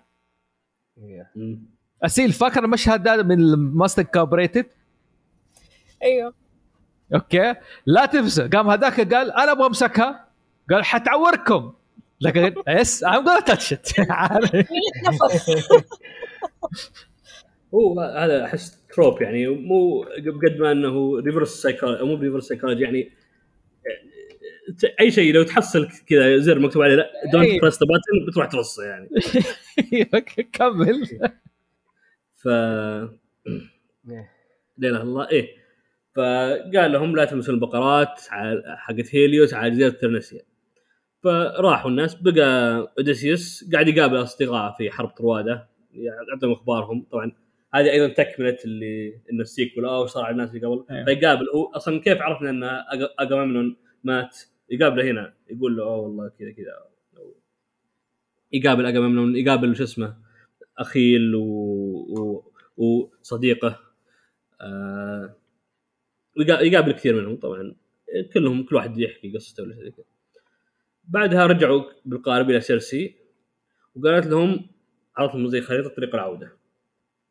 قالت طبعا طريق العودة هذا مليان مصاعب. كان لعبة video game يعني بيقول لك أوكي المرحله الأولى بيجيك كذا المرحله الثانية بيجيك كذا المرحله الثالثة. ف. كانت العقبة الأولى اللي هم ال Sirens. ال Sirens طبعا بتمر علينا مرة ثانية في قصة Jason and Argonauts أتوقع. إنهم هم زي الحوريات أو في بعض الروايات إنهم زي ال- يا إما إنهم هم نساء أنصاف سمك أو مرات في بعض الروايات إنهم أنصاف طيور. أوكي. الهير زي ال harpies؟ زي هم مرات يسمونهم ك harpies مرات يسمونهم ك كهاربيز مو بهربيز معليش كهاربيز ومرات ك ك شو اسمه كحريات. حريات بحر يعني. طبعا بحسب الرواية. أه، حاليا أتوقع في الم... في ال... في ال- المتعارف عليه إنهم بشكل حريات أكثر شيء. ففكرته إنهم يغنون أغنية وتجذب البحارين إنهم يرمون نفسهم في البحر. ناس يقولون من جمال الصوت ناس يقولون إن أغنيتهم هي تعلمهم عن المستقبل ولا تعلمهم الأشياء اللي يبغوا يسمعونها. بغض النظر الزبدة إن أصواتهم هي تجذب الناس لدرجة إنهم يفقدون يعني يفقدون آه، ذكاء. يعني إنهم يعني مو إنه يفقد الوعي بس إنه ما يفكر ويطيح في المويه. فأمرهم أوديسيوس أمر اللي هو البحارين حقينه قال كلكم سدوا إذانكم. أوكي؟ قال حتى جاب شمع خلاهم كلهم يسدون إذانهم. قال كلكم تسدون اذانكم إلا أنا لأني ملقوف. أبغى؟ أسمع. أبغى أنا أبغى أسمع. أبغى أشوف إيش هذه الحركات. أيوة. أنا اذكى واحد من الغريق يعني. حمار. ف قال اربطوني في الساري هذا حق السفينة ومهما قلت لا تفكوني. أوكي. فجو مروا عند ال- ال Sirens البحارين كو- كويس إنهم ما سمعوا. بس آه، شو اسمه اوديسيوس سمع يعني مقطعت اللقافه يقول أبغى أسمعهم. ف يوم سمع قال فكوني يعني قال لهم فكوني أبي أقرب أبي أسمع أكثر. بس أشوى إنه على الأقل يعني في هذه المرحلة غبائهم ما وصل انهم فكوا ما سمعوا ب- بسألك سؤال آه، آه، إنتوا نسبكم يرجع لأوديسيوس آه، عزيز؟ بس بفهم. لا إحنا إحنا لقافتنا إحنا لقافتنا على سنع مو مو زي كذا. طيب طيب بس كمل كمل. ما فكوه حلو تمام. نبغى نعرف إيش صار يا عمي؟ عجل علينا متحمسين ونعرف كيف رجع الرجال بيت أهله. أوكي لا لا يقعد 10 سنوات عشان يرجع قصه طويلة. السليق ولا ما حياكل السليق؟ من. جد والله. ما سمعوا كلامه. آه جاهم أيضا في الطريق وح- وحش سلة و- وكر وك- وكربدس هذول وحشين قابلوهم وانحشوا منهم. آه لين ما صاروا جزيره اسمها ترنسيا. هي اللي عليها أبقار هيليوس. أيوه هذه مهمة هذه قدك عكت عليها. أيوه لازم ما تختصرها أيوه قول. وش تتوقعون صار؟ لمسها. فاللي صار كيف؟ أنا أتوقع لوجين كان حتمسكها. يعني الحاجيه اللي قافه تلمسها. أيوه كمل. وصلوا الجزيرة. يوم نزلوا طبعا آه، جتهم عاصفه وحبستهم على الجزيرة. ما قدروا يطلعون منها. فقعدوا شهر بالعواصف هذه.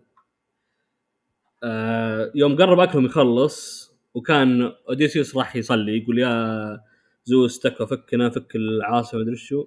جاء واحد من البحارة هذا لعين هذا وقال شوفوا حنا إيش رايكم نذبح واحد من البقرات؟ قالوا أوه بس هذا قال لا لا نذبحها قربان للالهه آه؟ الفتك قربان. إيه لو ذبحناها قربان ما يقولون لا.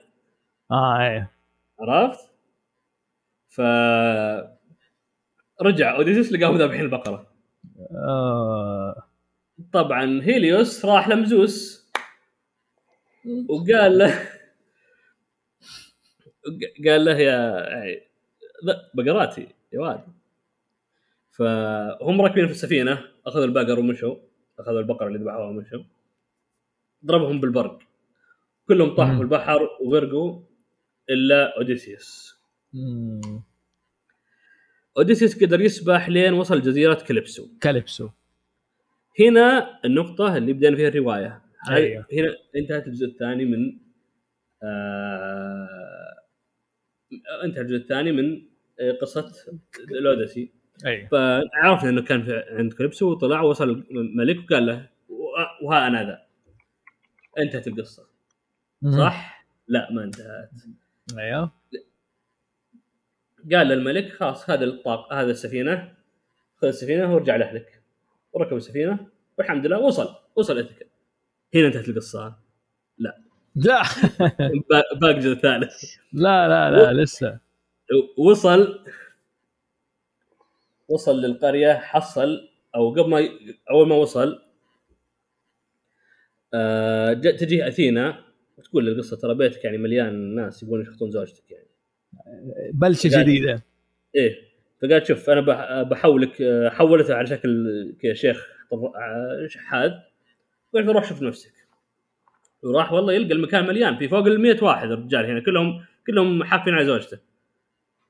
ف يعني قال راح بيفكر راح لما في واحد راعي خنازير يعرفه كويس يعني كان وفي له وراح له وجلس عنده. في نفس الوقت أثينا راحت لم تليماخوس قالت له ارجع ارجع ارجع الحق الحق. فرجع تليماخوس بسرعة يعني اسرع قارب يقدر يلقاه. وقدر يتفادى غدرة الخطابين يوم حاولوا يغرقون سفينته. كانوا مرسلين الناس يغرقونه. طبعا تليماخوس طالع على أبوه ذكي يوم إنهم عرفوا إنهم حاولوا يغرقونه ما راح لم القصر مباشرة خاف يذبحونه. راح لم بيت ال... راعي الخنازير لأنه شكل الظاهر يبدو لي إنه في الاغريق كله ما في إلا واحد أمين اللي هو حق الخنازير هذا كلهم متفقين على بيته ف حصل آه شو اسمه يوم وصل هناك أثينا ورت يعني آه فكت ال- السحر عن عن. عن اوديسيوس أيوه عرف قال قال بابا قال ابني. وجاب لهم و آه، بدا يخطط وقاعد يخططون عن كيف يستعيدون القصر.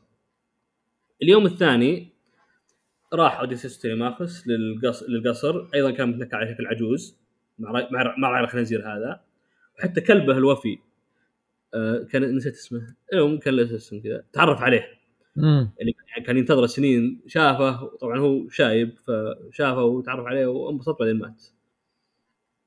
ف يعني هومروس يبدو اللي كان عنده آه، آه، كوميديا سوداء ولا شيء زي كذا. مم. المهم تليماخوس واوديسيوس قالوا ينتظرون الخطاب يكملون عربدتهم سكرتهم لين ناموا. يوم ناموا خبوا دروعهم واسلحتهم. بعدين راح اوديسيوس متنكر لم زوجته ومو كإنسان طبيعي يقول آه أنا اوديسيوس أنا رجعت كذا. لا. مم. قال لها وش بتسوين؟ آه، وزوجك رايح. قال- قالت أنا بسوي أنا مسابقة رماية. واللي يفوز فيها بيصير زوجي. لأنه طبعا قالت هي أنا أبغى واحد شيء شخص زي اوديسيوس طبعا اوديسيوس كان مشهور بالرماية. ف ف طلعت أخذت قوس اوديسيوس قوس عند عند قوس شهير. واعطته ال- طلعته للخطاب. قالت هذا القوس اللي يقدر يرميه ويفوز مسابقه الرمي أبى أتزوجه. ولا واحد منهم قدر يثني القوس هذا. يعني حتى ربط الحبل ذا ربط. الخيط. هذا ما ما عرفه فجاء أوديسيوس على طول طق. طبعا هو كان لا زال متنكر بشيء بهيئة الشيخ الش- الشحاذ فقال أعطوني اجرب يضحكوا عليه. قالوا ها شوف الشحاذ يبغى يجرب. فالهم سواها على طول ربطها وطلق الطلقة. طبعا التحدي كان الفؤوس فيها يا اما رأس الفتحة ولا ممسك الفتحة ممسك الفأس. في زي الدوائر. فقالوا اللي يقدر يدخل بنصف 12 فاس ورا بعض واللي يقدر يدخل السهم في ال 12 فتحه هذه ورا بعض هو الفائز. وجاء من الضربة الأولى جابها أوديسيوس. وتفاجئوا ذولي ال- الخطاب. إيش حكاية الشيخ الشيبة ذا؟ إيه. يمين الشايب هذا. فجأة طبعا فك السحر وقال أنا أوديسيوس يا ابن الكلاب. ومعاه السهم حقه قاعد يطلق عليهم وطبعا هم ما عندهم لا اسلحه ولا قوه إيش؟ ذبحهم كلهم. قتلهم كلهم. ف أيوة. بعدين شافتها زوجته تقول آه زوجي. إيه يا حبيبي ومدري واو. رجع, لها بعد 20 سنة ويعني وانت توته توته تحت توته اللي باقي هذا فوق 18 هذا. لا أديك زيادة. ما قعد ما قعد لاوديسيوس إلا كم أسبوع ومشي. خوش. والله ما قدر قعد سنين متغرب. دحين يرجع قاعد في جزيرة واحدة. لا حبيبي خلاص آخذ لفة. لا شكله ع- زوجته كبرت عقبه وقال ممكن ممكن. طيب كذا خلصنا. ما اتفقنا على كذا يعني. خلاص. طلع خلصنا والله كذا. قليل ادب يعني. خاتمة. في في تفاصيل يعني مذكورة القصة بعد. كذا أوكي إحنا خلصنا. نخفف القصة الملحمية كذا وناخذ مرعي. مرعي. بس لحظة في, نقطة بس بذكرها قبل. آه. آه في يقال إن كثير لو في كثير نقاط من القصة هذه يقال إنها مستلحات أو مستوحات من ملحمه جلجمش مثلاً يقال انه لأنه مثلا لو تشوف إنه اضطر إنه يرجع لما يروح لما آخر الأرض عشان أيوة، يدخل أيوة. اسمه يدخل لما ال- العالم السفلي عشان يسأل أحد شيء. وأيضا لا، العملاق اللي ال Cyclops فيه يشبه يشبه العملاق في أحد ال- القصص آه، أحد الأجزاء من القصة اللي هو ال ogre بابا إيه هو لو تلاحظ ترى تذكرون أو مو تذكرون أكيد تعرفون مغامرات جلفار أو جلفار. إيه. آه، ترى فيها كثير من ال ال ال ما أدري عاد مين الصح مين اللي أخذ من الثاني بس فيها حكايه إنه طبعا أوديسي مذكور من قصصه إنه راح لعالم العمالقة وراح لعالم أقزام. حتى لو تذكرون سندباد الكرتون القديم. أيوه. آه ترى في كثير من الاوديسا لو تراح قصة العملاق اللي خطفهم والسفينة وأيضا الرحلات فيها كثير من الاوديسا الاوديسا ترى بشكل عام صارت تمثل كلمة ملحمة أو رحلة ملحمية. بالضبط بالضبط. إنه رحلة مغامرة العودة للمنزل يعني العودة. عوده إلى المنزل بشكل ملحمة. عاد آه، فانتازيا لأحمد خالد توفيق معروفة عاد. آه، في جزء من الأجزاء كان اسمه عودة المحارب. كان بطلة القصص اللي هي عبير إذا تعرفها فوزي. أيوه أيوه أيوه.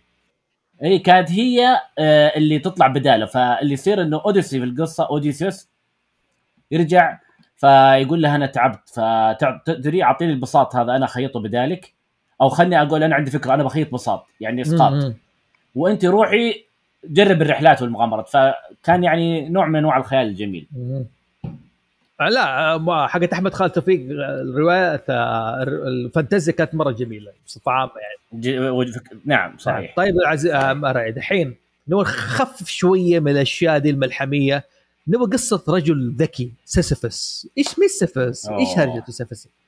سيسيفس سيسيفس. أو سيزف أيوة. ما ما أعرف النطق الصحيح له. سيسيف لا هو بالإنجليزي سيزيف. سيسيفس باليوناني الله أعلم. صحيح وبالعربي؟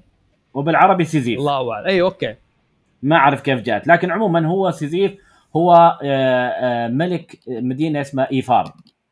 طبعا إيفار هذه اللي هي مدينة كورنث حاليا.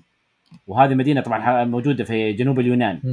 وأهلها يسمونها كورنث كورنثيوس كورنثيانز طبعا نعم هو اشتهر في الأساطير الإغريقية. ليش؟ لأنه هو صاحب أشهر عقاب في تاريخ آه، ال- الملاحم الإغريقية. طبعا الملاحم الإغريقية مليانة بأنواع العذاب اللي يتقطع الكبد حقه اللي هو برموثيوس. لا مو برموثيوس. برموثيوس صح؟ اي اللي تقطع اي الكبد. بروميثيوس و... بروميثيوس وعد واغلط الجواب ما هو مذكور. لكن هذا كان عقابه خلينا نقول مبتكر وجديد على ال- ال- القصص إنه كان مطلوب منه إنه يدفع إنه في صحراء أو في في صحراء ترتاروس اللي هي في العالم السف- السفلي كان مطلوب منه إنه يدفع الصخره إلى أعلى تلة وقبل ما تطلع فوق يوصلها فوق الصخرة تنزلق منه وتطيح. فيرجع من جديد ويدفعها لفوق فصار زي العقاب العبثي وصار زي ما تقول له الإشارة إنه هذا العقاب السيزيفي لأي واحد مجرد إنه قاعد يسوي روتين يومي بلا فائده. عموما. بداية من هو سيسيفس؟ أبوه اسمه أيولاس. أبوه طبعا أيولاس هذا ابن بوسايدن. أو أيولاس هذا حامل رياح في ال ال ال في الأساطير الاغريقيه. وكان يتحكم بالرياح من الأربع جهات، طبعا كل ريح لها اسم يوناني صعب ان ننطقه أو, ناهيك عن ان نحفظه. أيوه. هذا اللي ذك- ذكرناه اللي قبل شوية. إي قبل اعطى اوديسيس أيوه نعم آيولاس. طبعا ال ال كان ملك جزيرة إيوليا وهذه جزيرة عائمة. زي ما ذك... ما ذكرت ولا ما حكيتكم اوديسيوس زارها في واحد من رحلاته. اوديسيس أيوه نعم. نعم. أمه ما لها ذكر بس اسمها انارياتي ما علينا من أمه علينا من زوجته. زوجته اسمها ميروب. هي واحدة من الحوريات السبعة اللي كانوا مع ارتميس اللي تكلمنا عنها في الحلقة السابقة. فهي كانت واحدة حوريات سبع. طبعا آه سيفيوس من يومه هو ولد آه ولد يعني ولد ملك ولد يعني على قولهم ن- النعمه مم. بالبلدي. فقرر إنه يستقل عن أبوه ويسوي ملك لنفسه. وبالتالي بنى مدينة إيفار وصار أول ملك عليها. طبعا هنا عاد تبدأ القصة. لأن سيفيس معروف إنه من شبابه كان روحه متمرده وكان كذاب ومخادع. ومن القصص المشهورة عنه إنه أغوى بنت أخوه okay يوناني في سن مبكرة. يا. نعم. المهم إنه صار إنه إنه المدينة طبعا كبرت واشتهرت وصارت آه، مر مر مزار للتجار. التجار يجون يشترون فيها يبيعوا. فهنا طبعا آه، قرر زيزوس إنه يستغل نقطة التجارة في مدينته هذه وبالتالي إيش يوري إنه رجل متمرد ما يهتم بأي أحد من آلهة الغريق. في عندهم قانون اسمه زينة الغريق. هذا قانون حاطه من أول آه، اوزوس أو بالأحرى هو ما هو قانون بقدر ما إنه مفهوم. إنه أي آه، آه، اهتموا بالضيف وأكرموه. أي وافد يجي على مدينة غريب يجي على مدينة من مدن الإغريق لازم تعطون الضيف المأوى وتوفرون المأوى والمشرب والمأكل وتعطوه هدايا. كل هذا من باب إيش؟ حسن الضيافة. إبداء النية لإكرام الضيف حسن الضيافة. مم. حتى كانوا من ضمن ال- ال- ال- ال- التحيات المذكورة عنهم كانوا يقولون زوس زينيوس. يعني زوس المضياف. آه بعدين صارت زوس زينة. أوكي. اللي هو صار قانون زينة هذا في مو هذا عشان ما يعتقد إنه دائما زوس يسوي اختبار إنه يتنكر بهيئات آه، أحد أو يخش عليهم كضيف ويشوف اللي مين يضايف ومين ما يضايف واللي يضايف يكرمه واللي ما يضايفه يلعنه. صحيح لكن إلا في القصة هذه. لأنه اللي صار إنه سي- سيسيفس من باب التمرد قرر إنه ما يهتم بالتجار وصار يعني يسف- يسفههم بعدين صار يسرقهم. بعدين تطور الموضوع وصار يقتلهم. غير مبالي ابدا بقانون زينة. طبعا زوس زعل فكيف يعني آدمي زي هذا يسفهني؟ لكن الموضوع عارف اللي زعله فقط لا أكثر ولا أقل. اللي صار إنه سيفس درى إنه زوس يعني عرف زعل فقط فقرر إنه يتمرد أكثر. فبالتالي انتقل إلى خطوة أخرى. طبعا صارت قصة انه زوس من ضمن عاداته اللي هي مطاردة الحسنوات كان في حسناء اسمها إيجينيا أو إيجينا. كانت حورية. طبعا هذا كان كافي إنه زوس يهم بها. فقرر إنه يسوي دراما كعادته وما يروح اللي بهذا فقرر يسوي دراما خوفا من هيرا تحول إلى نسر عملاق. وراح اللي عند إيجينا هذه وخطفها طبعا جي- إيجينا هذه أبوها اللي هو اسمه اسابس أحد آلهة الانهار. فخطف إيجينا وهرب شافها الأبو وطاردهم طبعا رحلة البحث هذه والمطاردة قادته إلى وين؟ إلى مدينة. إيفار هنا نرجع لمين؟ لسيفيس سيسيفس سيسيفس. سيسيفس أيوه سيسيفيس طبعا شاف إنها فرصة يثبت تمرده ويثبت إنه شخص ما يهمه ابدا أكبر كبير فقال نعم أنا شفت نسر عملاق وكان شايل حورية جميلة وراحوا في الجزيرة الفلانية أو الجزيرة هذه مو الفلانية الجزيرة هذه. راح آه، اسبس للجزيرة وفعلا شاف إنه شاف زوس هناك وشاف بنته. فلما جاء بينقذ بنته زوس رمى عليه صاعقة كهربائية رجعته إلى معقل وسط النهر مرة ثانية. طبعا حدث إنه البنت اللي هي إيجينيا هذه خلفت من زوس. وخلفت من؟ إيوكيس واحد اسمه. هذا صار ملك الجزيرة اللي اسمها على اسم أمه جزيرة إيجينيا. مم. طبعا الجزيرة هذه حاليا موجودة في اليونان اسمها أجنيتيس أو اجنتس ما أعرف بالضبط النطق لكنها قدام ساحل مشهور في اليونان اسمه أتيكا. موجوده الجزيرة حاليا. عموما نرجع لزوس اللي ما زعل لا من موضوع التجار ولا من زعل القانون إنه انهد زعل إنه سيسيفس فضحه. لذا قال لازم أعاقب هذا الوغد. فبالتالي طلب من مين؟ طلب من واحد اسمه ثانتوس هذا إله الموت. نعم. أو مندوب الموت خلينا نقول بالأحرى. أوكي. أو أو إله الموت خلينا ممكن نقول لكنه ليش يسمونه مندوب الموت؟ لأنه قصص ذكره قليل جدا عكس من؟ عكس آه، هيدس مم. فقال له امسك ال- آه، امسك يا ثانتوس ما أدري تحس إنه اسمه ثانتوس إسكوبار كذا راكب عليه الاسم ثانتوس ثاناتوس ثلاثة إيه ثانتوس ثانتوس أفضل من هذا قال له امسك سيسيفس واحبسه في ترتروس وقيده بالسلاسل.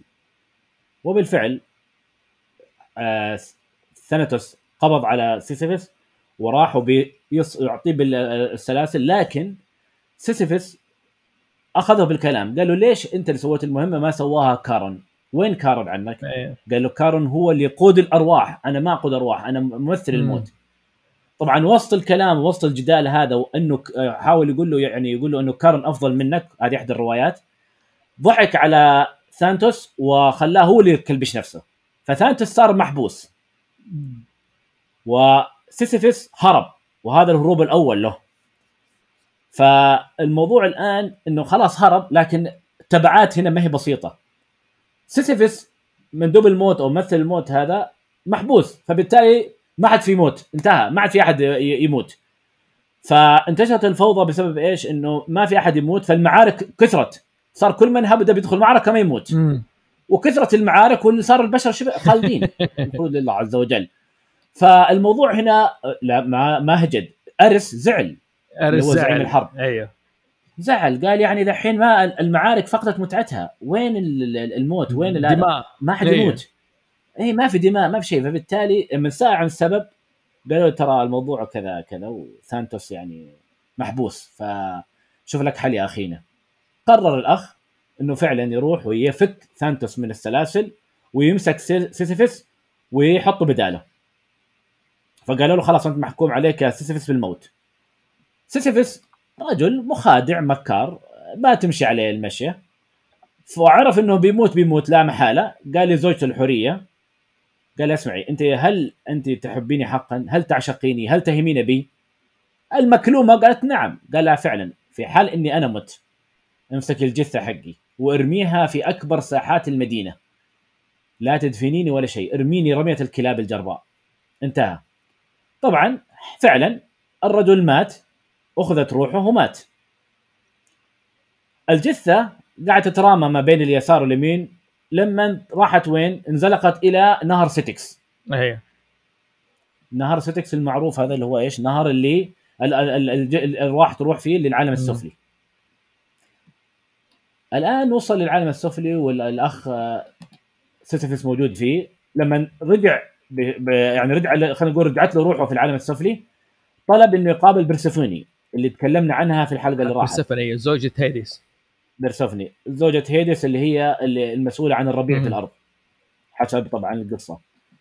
وراح لها وأثبت أنه مكار ومخادع لما قال لها أنه زوجتي خائنة زوجتي لعينة زوجتي جاحدة. ما دفنتني. رمتني رمية الكلب إيه. الأجرب.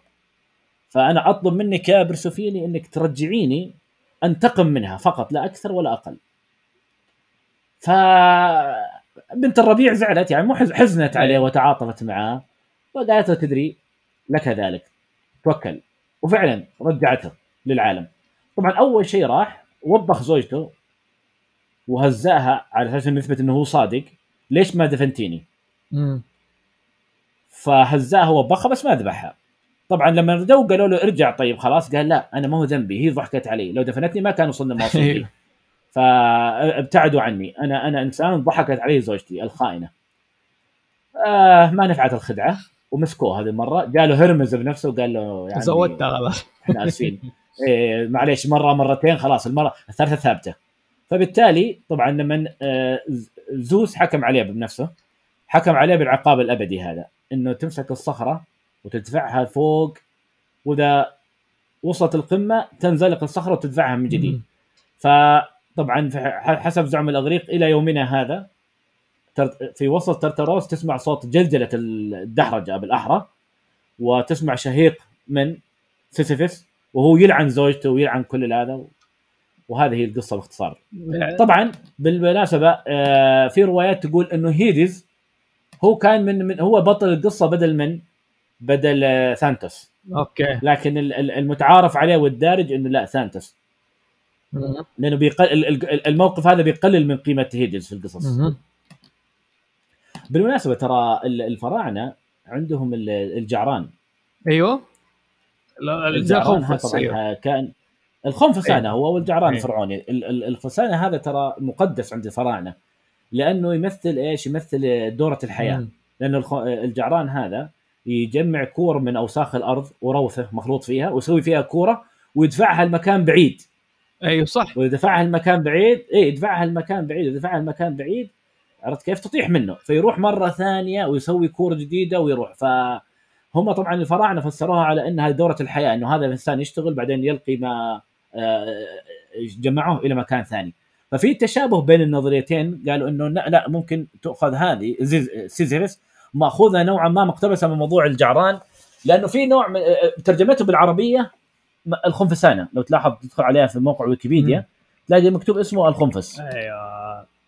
والله لكنه يعني شخص مشهور. تفضل. لا بالعكس يعني سيسيفس تعجبني قصته من أول يعني فعلا يعتبر الذكي ومكار وحيال يعني. فدائما بس في النهاية يقول لك مهما كانت تحتال في النهاية إيش؟ يعني زي ما تقول حتقع زي ما تقول وحتعاقب إنه ما تستمر زي ما تقول. على قول آه، الإخوان المصري حبل القصر حبل الكذب قصير أو حق لا حبل قص كذا أيوه. قصير. يعني مهما تالف وتحاول في النهاية إيش؟ يعني ما حتوصل. طيب يعطيك العافية مرعي. أوكي نعطي دحين دور لأحد الأخوات. مر... آه، آه، تكمل قصة. نرجع شوي للملحمة كذا بعدين نرجع لفيرو أو نرجع لأخت سيد. بس لجين أنت. أول مرة تشاركينا إيش القصة حقتك اليوم حتشاركينا فيها؟ اليوم قصة ميدوسا وبيرسيوس. مهم. أوكي. في البداية كان في ملك اسمه سرافوس لجزيرة اسمها ميس... مايسيني وعنده أوكي. بنت جميلة اسمها ديني أوكي وجات لدا الملك نبوءة إنه حفيده حيقتله فقام أخذ بنته وحبسها في سجن عشان ما تتزوج وتتحقق هذه النبوءة أوكي. فجاء زوس وكعادته أتنكر وحملت بنت الملك وجابت بيرسيوس مهم. فبيرسيوس كانت ولد في السر وجلس كده لمدة أربع سنين إلين ما عرف الملك, الملك إنه بنته جابت ولد فقام عشان ما يبى يقتل بنته وحفيده قام رماهم في البحر. وهذه تذكرنا يع- بقصة مين فين فين اللي كان دوب متدين خليه يقول لنا. لما رماهم في البحر. كانوا قصة فرعون. اخاف أقول قصة موسى وتقول لا. لا لا دحين صح. المهم فرماهم في البحر إلين وصلوا جزيرة وأنقذهم صياد. فملك هذه الجزيرة شاف أم بيرسيوس وإنها جميلة قال يبي يتزوجها وهي ما رضيت فحاول معاها بكذا طريقة من هنا من هنا وهي لسه ما هي راضية. وكان كل ما يقرب منها يجي ولدها بيرسيوس ويحميها ويعني هو قوي لأنه هي demigod فقرر هذا الملك إنه يصرف بيرسيوس. ففي يوم عزم كل الناس وقال كل واحد يجيب لي هدية وبيرسيوس ما عنده شيء. قام قال له جيب لي ميدوسا. على طول بريال كذا أيوه. بريال ميدوسا. مم. فمين هي ميدوسا؟ ميدوسا هي بنت آلهة البحر سيتو وفوركيز وكانت هي الوحيدة ال mortal بين أخواتها. وكانت مرة جميلة ورجال كتير يقعوا في حبها على طول. وبغض النظر عن ده قررت إنه هي تكرس حياتها للآلهة أثينا وتكون كاهنة في معبدها مم. فكان جمالها مرة أخاذ حتى كتير كانوا يجوا للمعبد بس عشان يشوفوا ميدوسا لدرجة بعضها حتى كانوا قارنوها بأثينا وطبعا هذا الشيء ما كان يعجب أثينا مم. ففي يوم كانت ميدوسا بتمشي على الشاطئ وشافها بوسايدن وأعجب بجمالها على طول لكن ميدوسا رفضت محاولات بوسايدن كذا مرة ولأنها كانت كمان تبى تفضل الكاهنة المعبد أثينا كان لازم. تضل عذراء. فبعد محاولات بوسايدن اللي دائما تنتهي بالرفض قرر ياخذ ميدوسا بالقوة ويحطها كعذر إنه هو عنده خصام مع أثينا وياخذ ميدوسا كرهينة أوكي فلما جاي بيخطف ميدوسا ميدوسا خافت وجريت على معبد أثينا متأملة إنه أثينا حتساعدها وتحميها ومع الأسف ما كان في أي مساعدة اتقدمت لميدوسا وبوسايدن اغتصبها. بعدها جات أثينا بغضب وكيف صار كده في معبدها فقررت إنها تعاقب ميدوسا لأنه أسهل طبعا من عقاب بوسايدن وعقاب بوسايدن يعني is impossible فراحت أثينا لعنت ميدوسا وخلت شعرها كله ثعابين سامة وأي أحد يطالع في عينها حيتحجر ويصير صنم. وحاولوا أخواتها يساعدوها لكنها لعنتهم برضو وحولتهم ل Gorgons. يعني العيلة كاملة. yes سلكت أول سيلكتول إيه. فخبر تحول ميدوسا إنه الوحش انتشر وصارت هدف للمحاربين دائما إنه يضيفوها لانتصاراتهم وكلهم طبعا بيتشاركوا بنفس المصير إنهم يصيروا حجر. فمع كل هذه الأشياء كان لازم بيرسيوس يحتاج يعني مساعدة. من آلهة عشان يقدر يجيب ميدوسا للملك. فهرميز أداه سيف وأثينا أدته درع عاكس عشان يعكس نظرة ميدوسا وقالت له يطلب المساعدة من ذقري عشان يقولوا له فين الأغراض الباقية اللي حتساعده في قتل ميدوسا. فذقري كانوا أخوات كبار في السن ويتشاركوا بنفس العين ونفس السن. وكانوا هم أخوات ميدوسا. فلما عرفوا إنه بريسيوس يبى يقتل أختهم رفضوا إنهم يساعدوه. لكن عشانهم ضعاف ويتشاركوا في عين واحدة قام أخذ عينهم وصار يهددهم عشان يساعدوه. وصار اللي يباه وقالوا إنه الأغراض اللي يحتاجها مع ال nymphs في الغابة. فراح عند ال nymphs وأدوه sandals فيها أجنحة وخوذة تخفيه وشنطة مسحورة عشان يحط فيها راس ميدوسا. فبكل هذه المساعدات بريسيوس قدر يروح لكهف ميدوسا مكان ما كانت موجودة. طبعا وسط جثث حجرية كثير ناس قبله كانوا يحاولوا يقتلوها. وحقق مهمته بالمساعدات اللي عنده وقتلها وأخذ رأسها. وفجأة في وقت موتها ولدت ولد بوسايدن من رقبتها بيجاسوس وهو حصان أوكي. بأجنحة.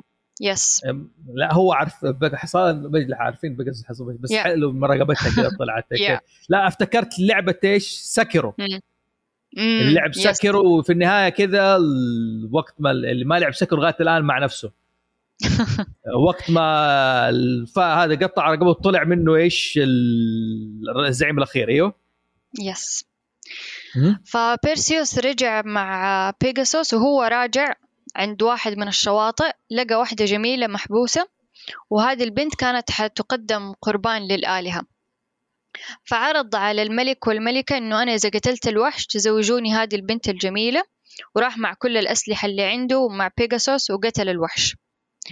فأخذ زوجته الجديدة ورجع للجزيرة اللي أمه فيها والملك لسه يبغى يتزوجها بالغصب. فراح بير... آه صامل. بيرسيوس yes فراح مم. بيرسيوس براس ميدوسا حولهم كلهم أصنام وقتلهم.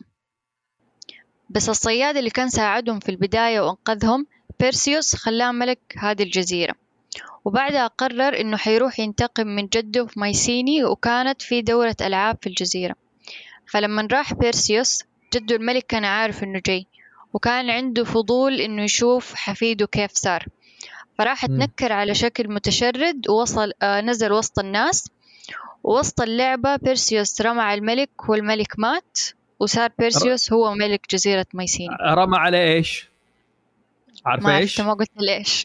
أنا أقول لك؟ رمى عليه رمى عليه الدرع ال disc. آه اللي أديته يا شفتي؟ الألعاب الأولمبية ما يمسكوا قرص. ويلفوا يلفوا يلفوا ويرموه؟ هذا هو. امم okay. تمام حلو. هذه قصة بيرسيس ويعطيك العافية يعني. واضح إنك أنت كنت بتردد شوية وبتحاول تخلص القصة بسرعة. والأحداث اللي في المنتصف تصير ترى هذه بالمناسبة دائما بتصير في هاوس زو في مم. الأحداث دي المنتصف والانقطاعات ترى مرة عادي متعودين عليها by the way وفي حلقة No. كامله سجلناها وضاعت علينا بس واحدة حلقات كثير يلا معلش بس باقي معلش. حاجة في النهاية سووها ما قلتها آه إيش هي بعد؟ ما خلص آه، راح بيرجع الأسلحة للآلهة ورجع الدرع لأثينا وهي أخذت راس ميدوسا وقامت. حطته على الدرع دلالة إنه ما حد يقدر يتعدى عليها وتحذير وبرضه دق البوسايدن. يا أخي إيش المشكل جي دقة كذا. يا أخي رحت مشكلي معاه كذا كذا. هم الآلهة. يموتوا في المشاكل والدقدقة ما حزرتك وال- قصة أثينا؟ قصة آه، ميدوسا؟ ميدوسا؟ إلا طبعا. مم. يعني دائما ميدوسا تبان إنه هي الوحش هي الشريرة. بس هي عكس ده بالضبط. هي الضحية هي المسكينة. هي اللي ما سوت ولا شيء ولا ليها دخل في ولا شيء واتأذت وصارت وحش و all of that. فراس إيش رأيك؟ آه لا بالعكس آه، يعني هي زي ما قالت أكثر شيء القصة مظلومة المشكلة حتى الأعمال الاقتباسات اللي قاعد يصير آه، لميدوسا إنه برضو تبين هي المسكينة هي ال الأجلينس هي البيس ما عندها سول شيء عمياني زي آه، إيش؟ زي اللعبه زي. مثال لعبه يعني في كرتون Class of Titans حاطين لك إنه لما الأبطال آه آه قاعد يتكلموا عن ميدوسا وموقف حقها قاعد يجابوا لك اقتباس على ال forgiveness قاعد يقول طب أنت ما سامحتي ميدوسا على حاجة بايخة. لا هي المشكلة هي تصحهم لازم تكونوا مسامحين. لا أنا ما أعرف إيش آه ما أقبل المسامحة. يا أخي إيش فيها؟ هي مسكينة. دقة دقة معلش هذول هذول الالهه طيب كذا. مرعي. اسمه؟ sorry. أيوه. إيه. حتى فيلم Clash of Titans نفس الشيء كانت آه، ميدوسا. آه، لا طبعا مو نفس الشيء. هم أظهروا ميدوسا إنها هي الشريرة إنها مجرد مم. وحش. أيضا آه، لعبة God of War القديمات ليس الحديثات الأيام أيام كان مع الإغريق. سوى نفس سوى نفس حركة بيرسيوس إنه قطع راسه. وصار يستخدم راسه كسلاح. ف... آه، يس عارف لازم خلاص بس صارت آه في شيء غلط عن موضوع ميدوسا دائما اللي هم يجيبون إنه ميدوسا إنه آه نقطة ضعفها إنها تشوف نفسها في المرايا. وهذا يعني شيء خطأ آه إنه آه هو استخدم إنه الدرع ال- عشان عشان يشوف بدون ما يطلع على عينه لكن نقطة ضعفها إنه العيون نفسها مو ال- آه، الشكل. شوف هو في تفاصيل حذكرها في النهاية بس عشان نمشي الموضوع. أنا أسويها استدراك. آه ميليباري عندك قصة الأرجو. الأرجو. والله شوف هذه القصة إلى الآن قاعد أبحث فيها. شوف كل أنا ابغاك أبغاك تختصر لي لكن تركز لي على قصة وشيء واحد اللي علاقة ب Argonauts. أيوه. أيوه بالفعل. هو هذا اللي حمسني شيء في قصة ترى قصتهم حلوة يعني. مم. اللي هو واحد يعني هو عن قصة جيسون و... آه جيسون اللي هو يصير آه ولد آه اللهم صل محمد نسيت اسمه. اللي هو ولد اللي هو أيسيون اللي هو كان king of Iolcus تمام حلو فهو كان اللي فهمت إنه هو كان في رحلة بعدين لما رجع شاف عمه اللي هو شاف عمه أخذ ال- ال- العرش من أبوه يعني فصار. هو حاكم البلاد اللي هو كان بيلياس اللي هو يصير عم زي هو بيلاس. حلو. أخذ العرش. فجاء لما الولد جاء بيقول أنا أبى العرش حق ابويا قال له خلاص أنا أديك مستعد العرش بس بس, بس بشرط إنك تروح تجيب ال Golden Fleece اللي هو أو الفروة الذهبية. آه okay. آه، من الملك أيتيس. تمام؟ وقالوا أنا إذا جبت لي هذا أنا حتنازل لك العرش ما أبغاه. فطبعا مم. هم سوى أرجو آه، اللي هو جيسون سوى مسابقة. ففي من ضمن الشخصيات اللي جو ساعدوه هرقل هركليس اللي هو كان أيوه. يعتبر اول رجل في في الحقبة هذه. وفي الاخوين كاستور وبوليكس اللي هم اللي هم مره كانوا أقوياء يعني هم توأم أقوياء. وفي اللي هم ال- البريدوس اللي هم أبناء آلهة الرياح. اللي ميزتهم انه لهم أجنحة ويقدروا يحاربوا في الجو. وفي عندهم أورفيوس كمان. في انضم معاه واحد اسمه أورفيوس اللي هو كان إيش ال- الوسيم حقهم اللي هو سيد الموسيقى كان. حلو. فبدا الرحلة حقتهم. طبعا هم في أحداث مرة كثير حتى في نزل فيلم في عام 1963 اتفرجته فهنا قال لي رواية وهنا قال لي رواية لكن إحنا نقرب الوجهات النظر وبنتكلم على أهم شخصية في دي القصة كلها. هو اللي شدني صراحة في الهرجة كلها اللي هو شخصية آه، تالوس. مين تالوس؟ تالوس؟ تالوس هذا اللي يقول لك أبو ال- هم يقول لك آه، طبعا أنت زي ما ذكرت أول قلت جناجي. دحين حقول لك نقطة. دائما هم. يسموا ال- ال- عالم الروبوتات. في عالم الانمي عالم ال- الروبوت يقول لك أبو الآليات كلهم مين؟ مازنجر. لأنه هو أول الي يعتبر. مم. حلو؟ بس لما طلع في الأح... في القصص الإغريقية وهذه طلع أول الي انصنع اللي هو تالوس هذا اللي أول سواه قصة هيميت- ذكرت فيها آلي أيوه أيوه. أيوه اللي هو آلي. بس في حاجة تانية كمان لما اتعمقت في موضوع شوية تالوس تدري إنه هو له علاقة بالذكاء الاصطناعي وصار الحين في نظام Linux في عندهم نظام اسمه تالوس ترى ذكاء اصطناعي إنه هو يفكر. okay. سؤال مين صنع تالوس؟ آه، هيفيستس اللي هو آلهة ال- الاختراعات. حداه إله- فيستس ولد هيرا وزوس أو قيل إنه ولد هيرا فقط أيوه؟ مزبوط كان يسوي تخيل سوى تالوس بس عشان كان بيسوي نظام دفاع لملك كان اسمه مينوس. عشان كان عنده جزيرة هذا مينوس قال أنا بسوي نظام دفاعي. طبعا هو عنده جيوس عنده آه أحسن وهذا بس قال ما أنا أبغى واحد يعني إيش أقوى منهم هذا كل شيء. فسوى له الآلي هذا من البرونز وحط فيه اللي هو ماء الاله اللي هو لها تسمية كده غريبة تسميتها الماء الاله اللي هو الماء مأخوذة من أولمبس. حطها جوة الآلي. طبعا الآلي هذا كان نقطة ضعفه فين في كاحله. إيه، زي آه، زي آه، آه، أخيل. أيوه نفس الفكرة. إيه. الحين نجي أقول فين الاستدراك فين الجوناجي فين هو؟ ترى تلاحظ جوناجي لما سمى مم. مازنزر سماه مازنزر زد. زد ترى عامة هو يوصف عامة زيوس. وفي واحدة من إصدارات. جونا هو جو ناجاي آه له واحد من إصدارات مازنجر آه إنه آلي مسويه مين زيوس فكوجي كابوتو هو اللي يسوقه إنه آلي طالع من هناك من الأولمبس.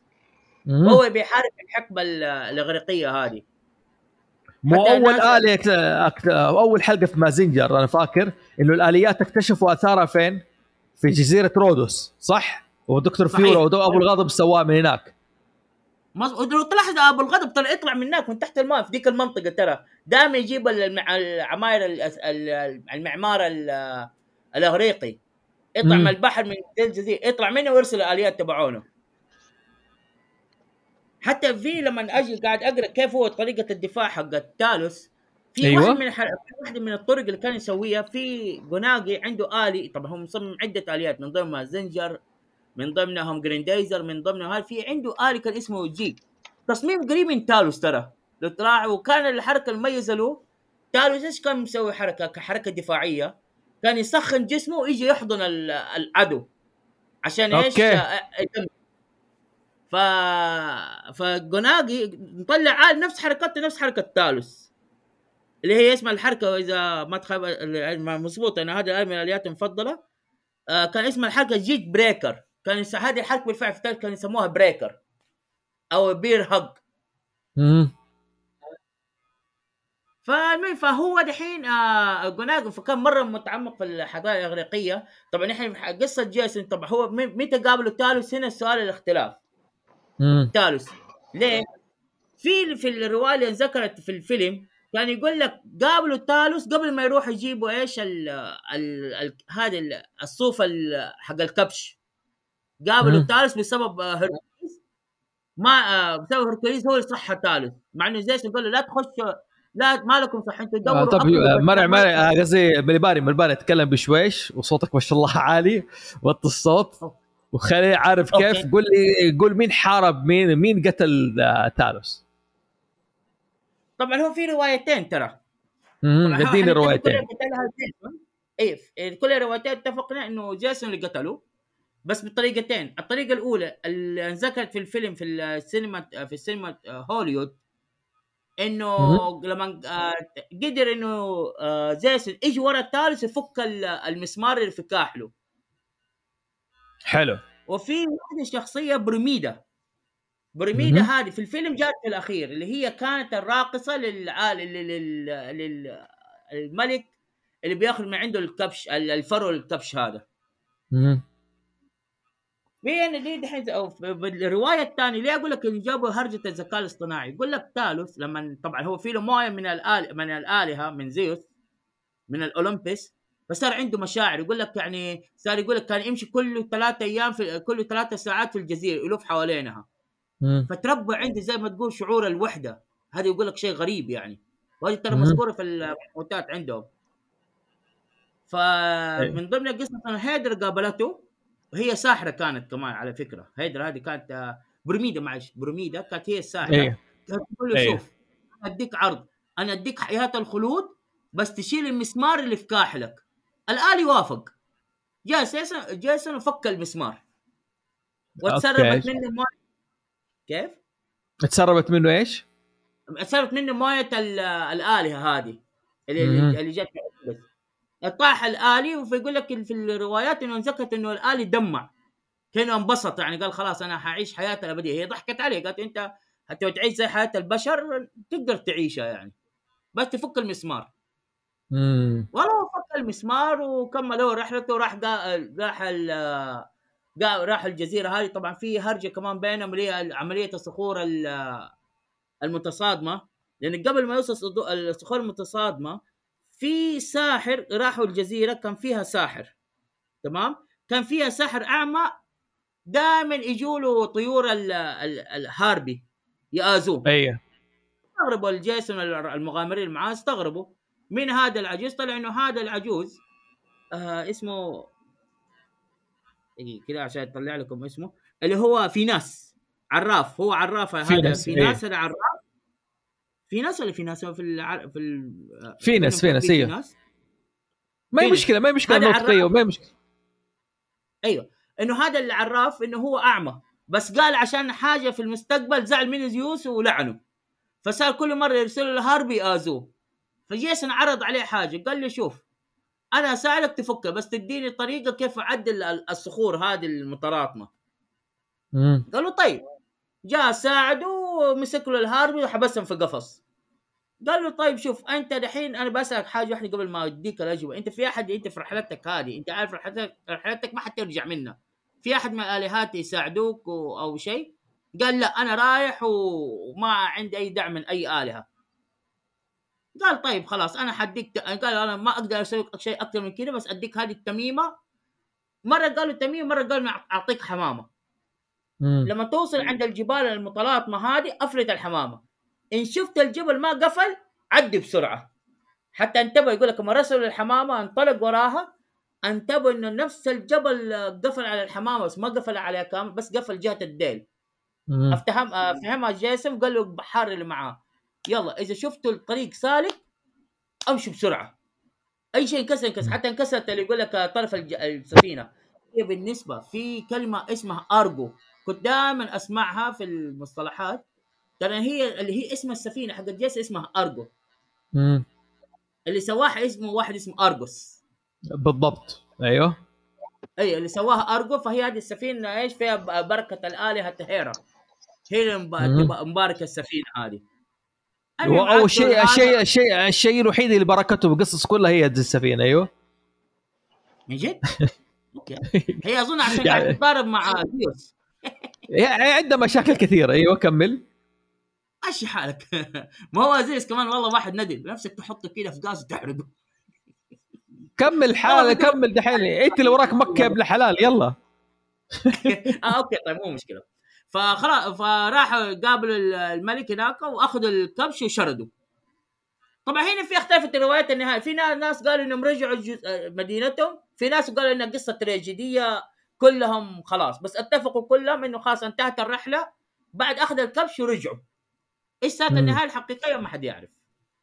مو هذه اللي قاعد أدور عليهم ما حصلت إيش اللي صار فيهم في الأخير البحار هذول. بس الشيء الواضح في القصة كلها اللي هو التالوس هذا. تالوس هو- بالفعل وخزف هذا كله مذكور القصة حقته بالكامل. مو أنا سبب إن كنت أبغى أركز على تالوس من ناحية هذا الذكاء الصناعي وال... واعتماد جوناجي على المرجعية حق التالوس في النهاية هو أبو الآليات تالوس. أنا ما عرفت نعم. أي قصة قديمة فيها الي لا لا هو هو يعني-. هو هذا الآلي كان هو المدافع وكان سلاحه جميل جدا. إنه لما يسخن جسمه يعني ما حد يتوقع إنه آلي كده في ده لما كان حكمه قبل الميلاد شيء يسخن. جسمه. مين اللي يقدر يسوي لك هذه الحركة يعني؟ فجوناجي اقتبس منه. تمام. يعطيك ألف عافيه حبيبي من اللي باري. أوكي دحين نروح لأسيل المنتظرة تحقق قصة بطل. فراس أنا مسيبه ال final وقصته حتكون عجيبة يعني. آه إيش؟ ها؟ آه وش؟ ريع لسه لسه لسه مو دورك. أسيل. إيه لا بس آه طيب، طيب استطراد آه. عشان أنا آه عشان خليني عندك. قبل ما. تبدأ قصة أسيل عشان اضطر اقفل أنا اي اي بس ال... عشان أحسن قبل ما لا يضيع التسجيل. أيوه okay okay. لا بس ال... يعني أنا أقصد إذا ناوي تقفل خليه mute وسيبه. طيب ماشي. okay؟ okay. okay. يلا okay. سيبه mute وأمشي. خلاص أنا حقفله من عندي بعدين. خلاص okay. وهو كذا. ما عندك مشكلة حبيبي okay؟ اللي يحتاج. يمشي اللي يحتاج يمشي يسيبه mute ويسيبه. أنا حضطر أقفله. okay؟ يلا. أسيل. هلا. ها so, إيش القصة حقت أنا اليوم؟ عندي قصة آه، بليروفون ووحش الكايميرا آم، بليروفون كان واحد من أبطال الأساطير اليونانية وأنقال في روايتين عن عن أصله قيل أول أول رواية إنه ولد بوسايدن ويورنو زوجة آه،. جلاوكوس جلاوكوس يكون متنبئ وإله البحر. ورباه على أساس إنه هو ولده ما يعرف إنه مو ولده. الرواية الثانية مم. يقال إنه هو فعلا ولده. انشهر من صفاته إنه كان مشهور بالجمال والشجاعة وكان شهم. كيف بدأت أشهر مم. قصصه مع الكاميرا؟ بدأت لما قتل شخص وأبوه قرر ينفيه لمدينة تانية. فراح لفين؟ راح لمدينة اللي هي ملكها برويتوس. طبعا كان مشهور ب يعني كان كان سمعته طيبة فاستقبلوا و- وضيفوا ومين مين اللي حاولت تتقرب له؟ زوجة الملك. حلو. طبعا هذه شبيهة بقصة عزيز مصر. فحاولت تتقرب منه. مين؟ لما مين؟ انصدموا- آه عزيز مصر. أيوه أيوه عزيز مصر. زوجة الملك. فهي قصة مرة شبيهة بقصة عزيز مصر وزوجته مع سيدنا يوسف. أيوه أيوه. فحاولت أيوة. تتقرب منه ولما انصدها راحت تبلت عليه عند زوجها وقالت له إنه حاول يعتدي علي فطبعا الملك آه، ما صدق خبر على طول ح... يعني حاول يبغى يقتله بس بما إنه ضيفه و... وعندهم جريمة إنه ي... إنهم يسووا شيء للضيف يعني. هم معتقدين إنه ال... الآلهة ح... زي انها حتغضب عليهم. ففكر يرسلوا برسالة آه لحماة الملك أيوباتس اللي هو يكون والد زوجته. فطبعا آه بليروفون ما ما فتح الرسالة وما يدري جوتها اللي كان مكتوب فيها إنه اقتل حامل الرسالة لأنه حاول يتعدى على زوجتي اللي هي ابنتك. فلما حلو. وصل وبما إنه هو سمعته طيبة جدا في كل مكان فطبعا الملك استضافه ورحب بيه و- وضيفه وبعدين افتكر إنه كان معاه رسالة. فلما قرأ الرسالة وعرف اتورط ما عرف كيف حيقتله لأنه كان ضيفه برضه. قرر يرسله في مهمة انتحارية إنه يقتل وحش الكاميرا. هذا الوحش كان بي آه، كان بيتعرض للمدن المجاورة والناس كانوا متضررين منه. ففكر إنه هو يرسله ممكن إنه ما يقتله ويموت يعني. فاللي ما يعرف الكاميرا مشهور في الأساطير آه، إنه إنه مخلوق هجين مكون من جسمه مكون من ثلاثة حيوانات. عنده جسد وراس أسد وظهره يظهر منه جس جسم ماعز وراس ماعز وديله ذيل أفعى طبعا آه، مهم. أنا أول مرة لما عرفت عرفت الكايميرا كانت في أنمي Fullmetal Alchemist أيوه الشيء المشوه. كانت مم. الحلقة الأولى.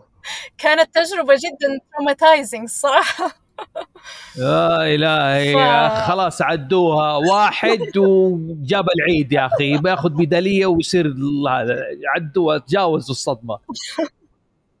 أنا بصراحة عديت على الموضوع عادي يعني إيش يعني؟ فوافق خلاص أنا قاسي ها باليوروفون لا لا بس مجرد أيوه أيوه. midlife crisis حقتك هذه. yes أيوه كمل كمل يا أسيل فوافق بليروفون إنه يروح و... وعرف إنه ما حيقدر يقتله بدون مساعدة. لما سأله بحث عرف إنه ما حيقدر يقتله غير بمساعدة أو بترويض بيجاسوس. فالطريقة الوحيدة عشان يروضه كانت إنه يطلب المساعدة من الآلهة. فقضى الليل في معبد أثينا وكان يتعبد إلين ما نام. لما نام. آه، شافها في ال- في النوم إنها بتعطيه لجام ذهبي. وفعلا لما صحي لقى اللجام جنبه و... وبعدها روض بيجاسوس وراح لواجه الكاميرا وقتله. طبعا رجع للملك منتصر. فالملك يبغى يقتله ما هو عارف أرسله في مهام انتحارية تانية. وكل ما راح مهمة يرجع منتصر منها. وهنا انشهرت قصصه وبطولاته في كل مكان. ف أوكي. هو شوفي الجزئيه المه... أيوه نهاية حياته أيوه. أم، نهاية حياته صراحة محزنة نوعا ما. ودائما يضربوا فيه المثل عشان آه، يضربوا فيه المثل في الغرور مم. لأنه آه، وصل لمرحلة من كتر الانتصارات اللي عنده وعنده كل حاجة وصل لمرحلة ما كان ما كان راضي يعني عن حياته فاللي حصل إنه هو أخذ بيجاسوس وكان بيحوم حوالين جبل الأوليمب فزيوس. لما شافه أرسل يعني هم كان مكتوب إنه أرسل زي الذبابة قرصت بيجاسوس فطاح طاح من من على ظهره أوف. لما طاح فقد بصره فقد بصره وانصاب. وبعدها مات. فهنا دائما يضربوا فيه المثل في موضوع الغرور. أمم. هو سبحان الله الرجال حق سوبرمان مات بس... آه، تشل هذا اول كريستوفر ريف بسبب الحصان. كان سوبرمان و لا لعنة سوبرمان ها؟ اي لعنه سوبرمان من جد. لعنه إيه. يعطيك العافية أسيل. أسيل أنت كنت متحمسه وقاعد تقولي قصه بسرعة يا إنك مستعجلة أو إنك مترددة. ترى عادي. شفت حكيت القصة بشكل جميل يعني. لا لا والله مو متردد. مو متردد ابدا. لا، أوكي. بالعكس يعني شوفي عجبتك. الحين عرفت الكاميرا فين جات. هي أهم Yes. حاجة انه كيف أنت مربوطة how your emotion وأنت تسمع القصة يعني أو بالاحرى بالضبط. your own perspective يعني تأثير. يعني زي فجاه ما أعرف ليش أنت كو... إلا الآن أبغى أعرف أنت إيش اللي شفت لما قلت لي اقترحت لي إني أذكر دي القصة اللي أنت تبغاني أقولها. والله فراس يعني أنا بك أنا شوف أنا كنت شوف كنت بقول نذكر قصه قصة المينوتور بس نحن نزلنا حلقة على اليوتيوب أيوه. موجودة. قصة أيوه. ثيسس والمينوتور وسوينا فيديو مقالي عنها فما نكتب. وهيك. واعمال هرقل لا لا ما يحتاج نختصرها. الناس تروح تسمعها وأعمال هرقل نزلتها في كارتونيشن سوينا أيوه. مقارنه بين أعمال هرقل الحقيقية وهرقل إيش؟ الكرتون صح جميل؟ أنا ابغاك اللي بقى- الآن تذكر قصة إيش؟ اللي ذكرها عزيز الساحر. تيريسياس أنا كنت أبغى أدخلك. العراف إيش بك؟ أنا دقيقة أنا لازم أحاول أنطقها بالجريكي لازم نعطي للرجال احترامه. العراف تيريسياس. تيريسياس. ها. أنا أنا حاطط بال Greek accent حق جوجل. عشان بس. تقول اسمه ليش مهتم أيوه. فيه؟ ليش احترمته؟ هو رجل مشهور بالنبوة.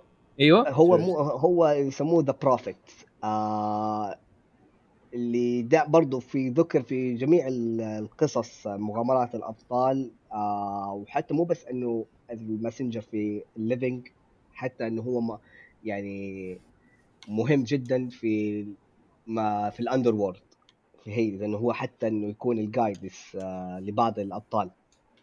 حلو. طيب. هو له ابن مج- وحر... ابن حورية. قال يعني شوف أنا الزبد ما ح- ح- حشرح زي ما ح- حدرع ولا حعمق الموضوع زي عزيز ومرعي. بالتفاصيل والمغامرات وش كان مؤثر مين هو أبوه مين أمه وشجرة العائله في النهاية دول يعني ما شاء الله يعني في النهاية أنا ما عندنا آه، قرب قرب فمك من المايك قرب فمك من المايك آه، آه، بدأ ما- صوتك يبعد. هذا. حجيك أهم حاجة في آه، في حياته الذاتية أنه كان هو ماشي في الغابة ياخذ علم زيادة شاف ثعبانين نقول يتضاربون مضاربة أحيا حيوية. واحد أوكي منهم ذكر والثاني أنثى. أوكي يعني. ف بالعصاية حقته بلقافته خرب الجو وضرب رأس الأنثى. جت له بعد الضربة اتحول لبنت. أيوه. يا يا سمعتوني صح؟ بني آدم هذا العراف. ال prophet يتحول لبنت. ومو بس إنه تحول لبنت كذا يعني قلب anime gender bender يعني أيوه أيوه آه، هذه هذه النقطه أيوه. لا لا هو عاش الانمي جوه آه هذه وبسبع arc ات. ترى المعلومية ترى مو إنه في سبعة آر- arc ات يعني هذا عمر ال آه، سبع سنين سبع سبع. سنين سبع اجيال أيوه. سبع أو شيء عمره سبع اجيال أيوه. من السبع اجيال هذه سبع سنين من حياته عاشها كبنت. مو بس عاشها كبنت يعني بس إنه هو هذا اتزوج فيها وخلف بزوره يا ساتر. يعني بعد السبع سنين شاف الثعبانين هذا يعني طبعا واضح إنه حتى اللي إيش آه، ما هو عاجبه حياة الأنوثة لأنه قال لما شافهم مع بعض الحين أنا ضربت ال... لما أنا ضربت البنت تحولت لبنت لو ضربت الولد حتحول لولد خلينا نختبر صار ورجع لولد. ورجع ولا كأنه صار كذا ما- انت عارف قفلوا السالفة هنا من أول ما تحول لولد. طب دقيقة البزور اللي خلفهم اللي هنا الزوج اللي تزوجوا. طيب يا أخي إيش المسؤولية؟ عندك مسؤولية خلاص you made commitment يعني يا إنك أنت تكمل حياة البنت يا ما تكملها. ما نطول. هذه الأسئلة قاعد تجيك ها؟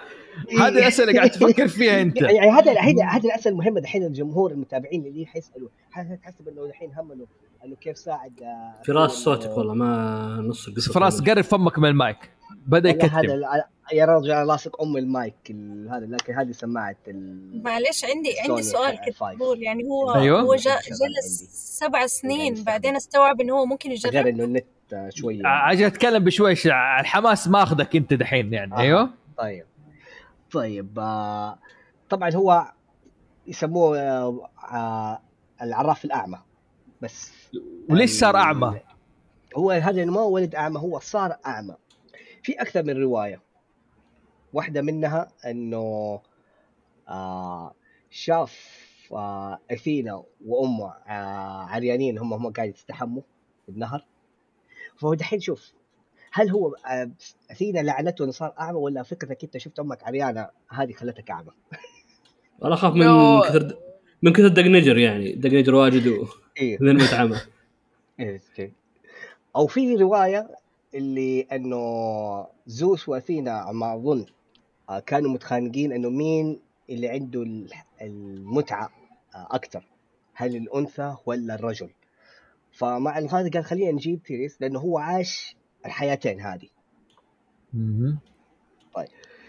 آه فسألوا مين المتعه فهو المسكين جاوب قال البنت هي اللي عندها المتعة الأكثر. زعلت أثينا فعمته. أو بعد زعلت هيرا هيرا وهيرا وعمته. حز واحمل الغاز حزن عليه فاعطاله اللي هو شوفة المستقبل. هو زوس. زوس إيه. هو اللي أعطاه. كافة عشان إنه- ظبطوا إيه يعني يعني إيه. ف- فتقريبا تلعب بس هنا إيش آه، مشكلة سيريس؟ إنه هو عراف يشوف المستقبل لكن لما الناس تطلب نصايحه آه ما يحبهم ما يعجبهم النصايح هذه أو بالتحذيرات اللي هي فدائما يطنشوه. يعني هم عارفين كلام صدق بس ما يسمعوا النصايح. زي لما قالوا له لا آه، لا تمسك البقر لا تمسكوا البقر. يعني كذا حد. لذلك مسكوا البقر. زي شو اسمه اللي في القصة حقت الإلياذة. مو إيه. كليبس شو اسمه؟ اللي أنت ذكرتها فوزي كل شوي نبوءات هو؟ البنت اللي كل شوي تعطيهم نبوءات وما حد يصدقها. آه كاساندرا. إيه. إيه، بس شوف آه، الفرق بين كاساندرا وهذا إنه كاساندرا كانوا يعتبروها مجنونة بس هم مصدقين لكن ال- آه، لما يسمعوا هذا ما تعجبهم ما حد تعجبه نبوءات كذا يعني so dark بس برضو ما عندك آه، من كثر ما هو لو مكانته عالية إنه حتى بعد الممات له مكانه في ال underworld إنه ك guiding لل heroes وال gods في في النبوات. والشخصية الثانية يعني هذا كذا بحاول كذا أختصر يعني هي كذا الشيء اللي أنت تبغى تعرفه أهم حاجة إنه هذا أعمى بسبه آه، حظ سيء و... وصار وعاش حياتين حياة رجال وحرمة كاملة. يا فرحتك. عاد عرفت في الجندر بندر جو؟ انت من اول تتساءل جبت لك جبت جبت لك أصلا جندر بندر هو فكرة الجندر بندر هي دائما يعني إيش بالعكس آه، أنا يعني فراس حلقتنا عن إيش؟ عن الأساطير اليونانية أنا كنت بعطيك الشخصية الثانية بس خلاص أيوه. أنا حكتفي؟ بكذا لا، إنك عندك. حماس لا لا لا هو خلاص طيب إيش تبغى أختم إيش تبغى تقول أنت؟ هو الولد آه، هيرميز وافروديتيز يعني من أهم الأشياء في القرن ال آه، 22 دحين. عفوا اللي صار 22 المشاكل و... وأزمة عزيز. واثبت العالم كله يا أخي. طبعا آه، اسمه م...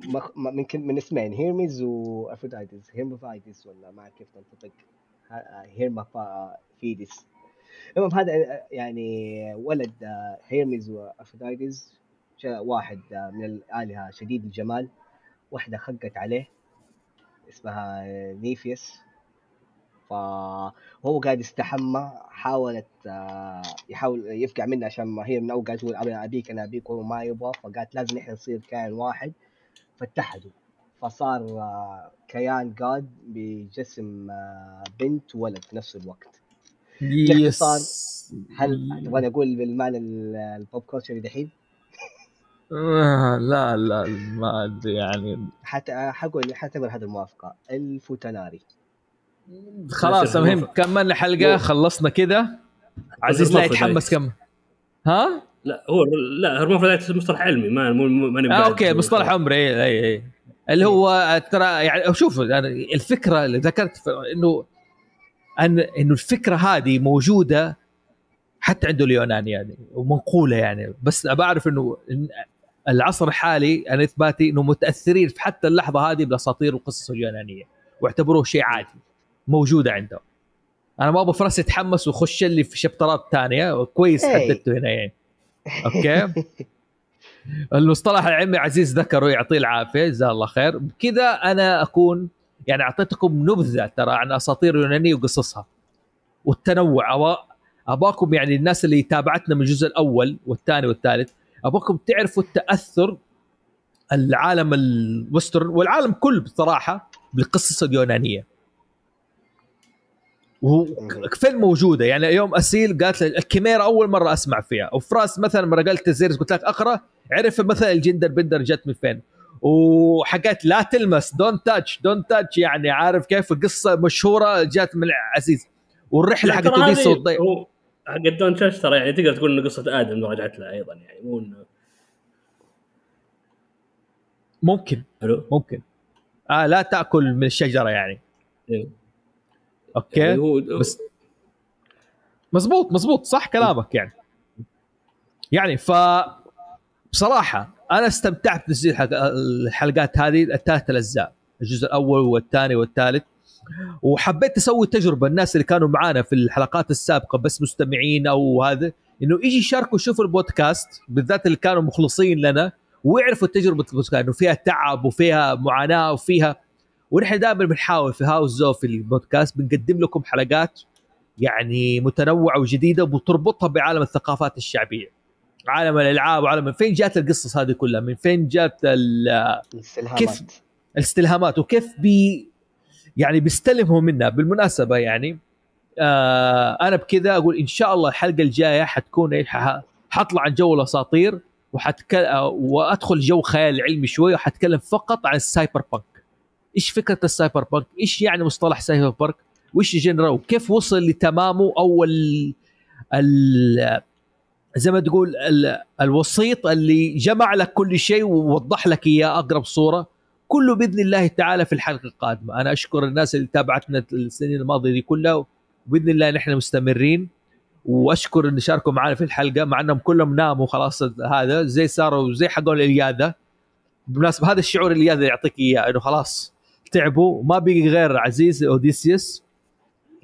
والسي أذكى اليوناني أذكى اليونانيين. يعني في شبه كثير.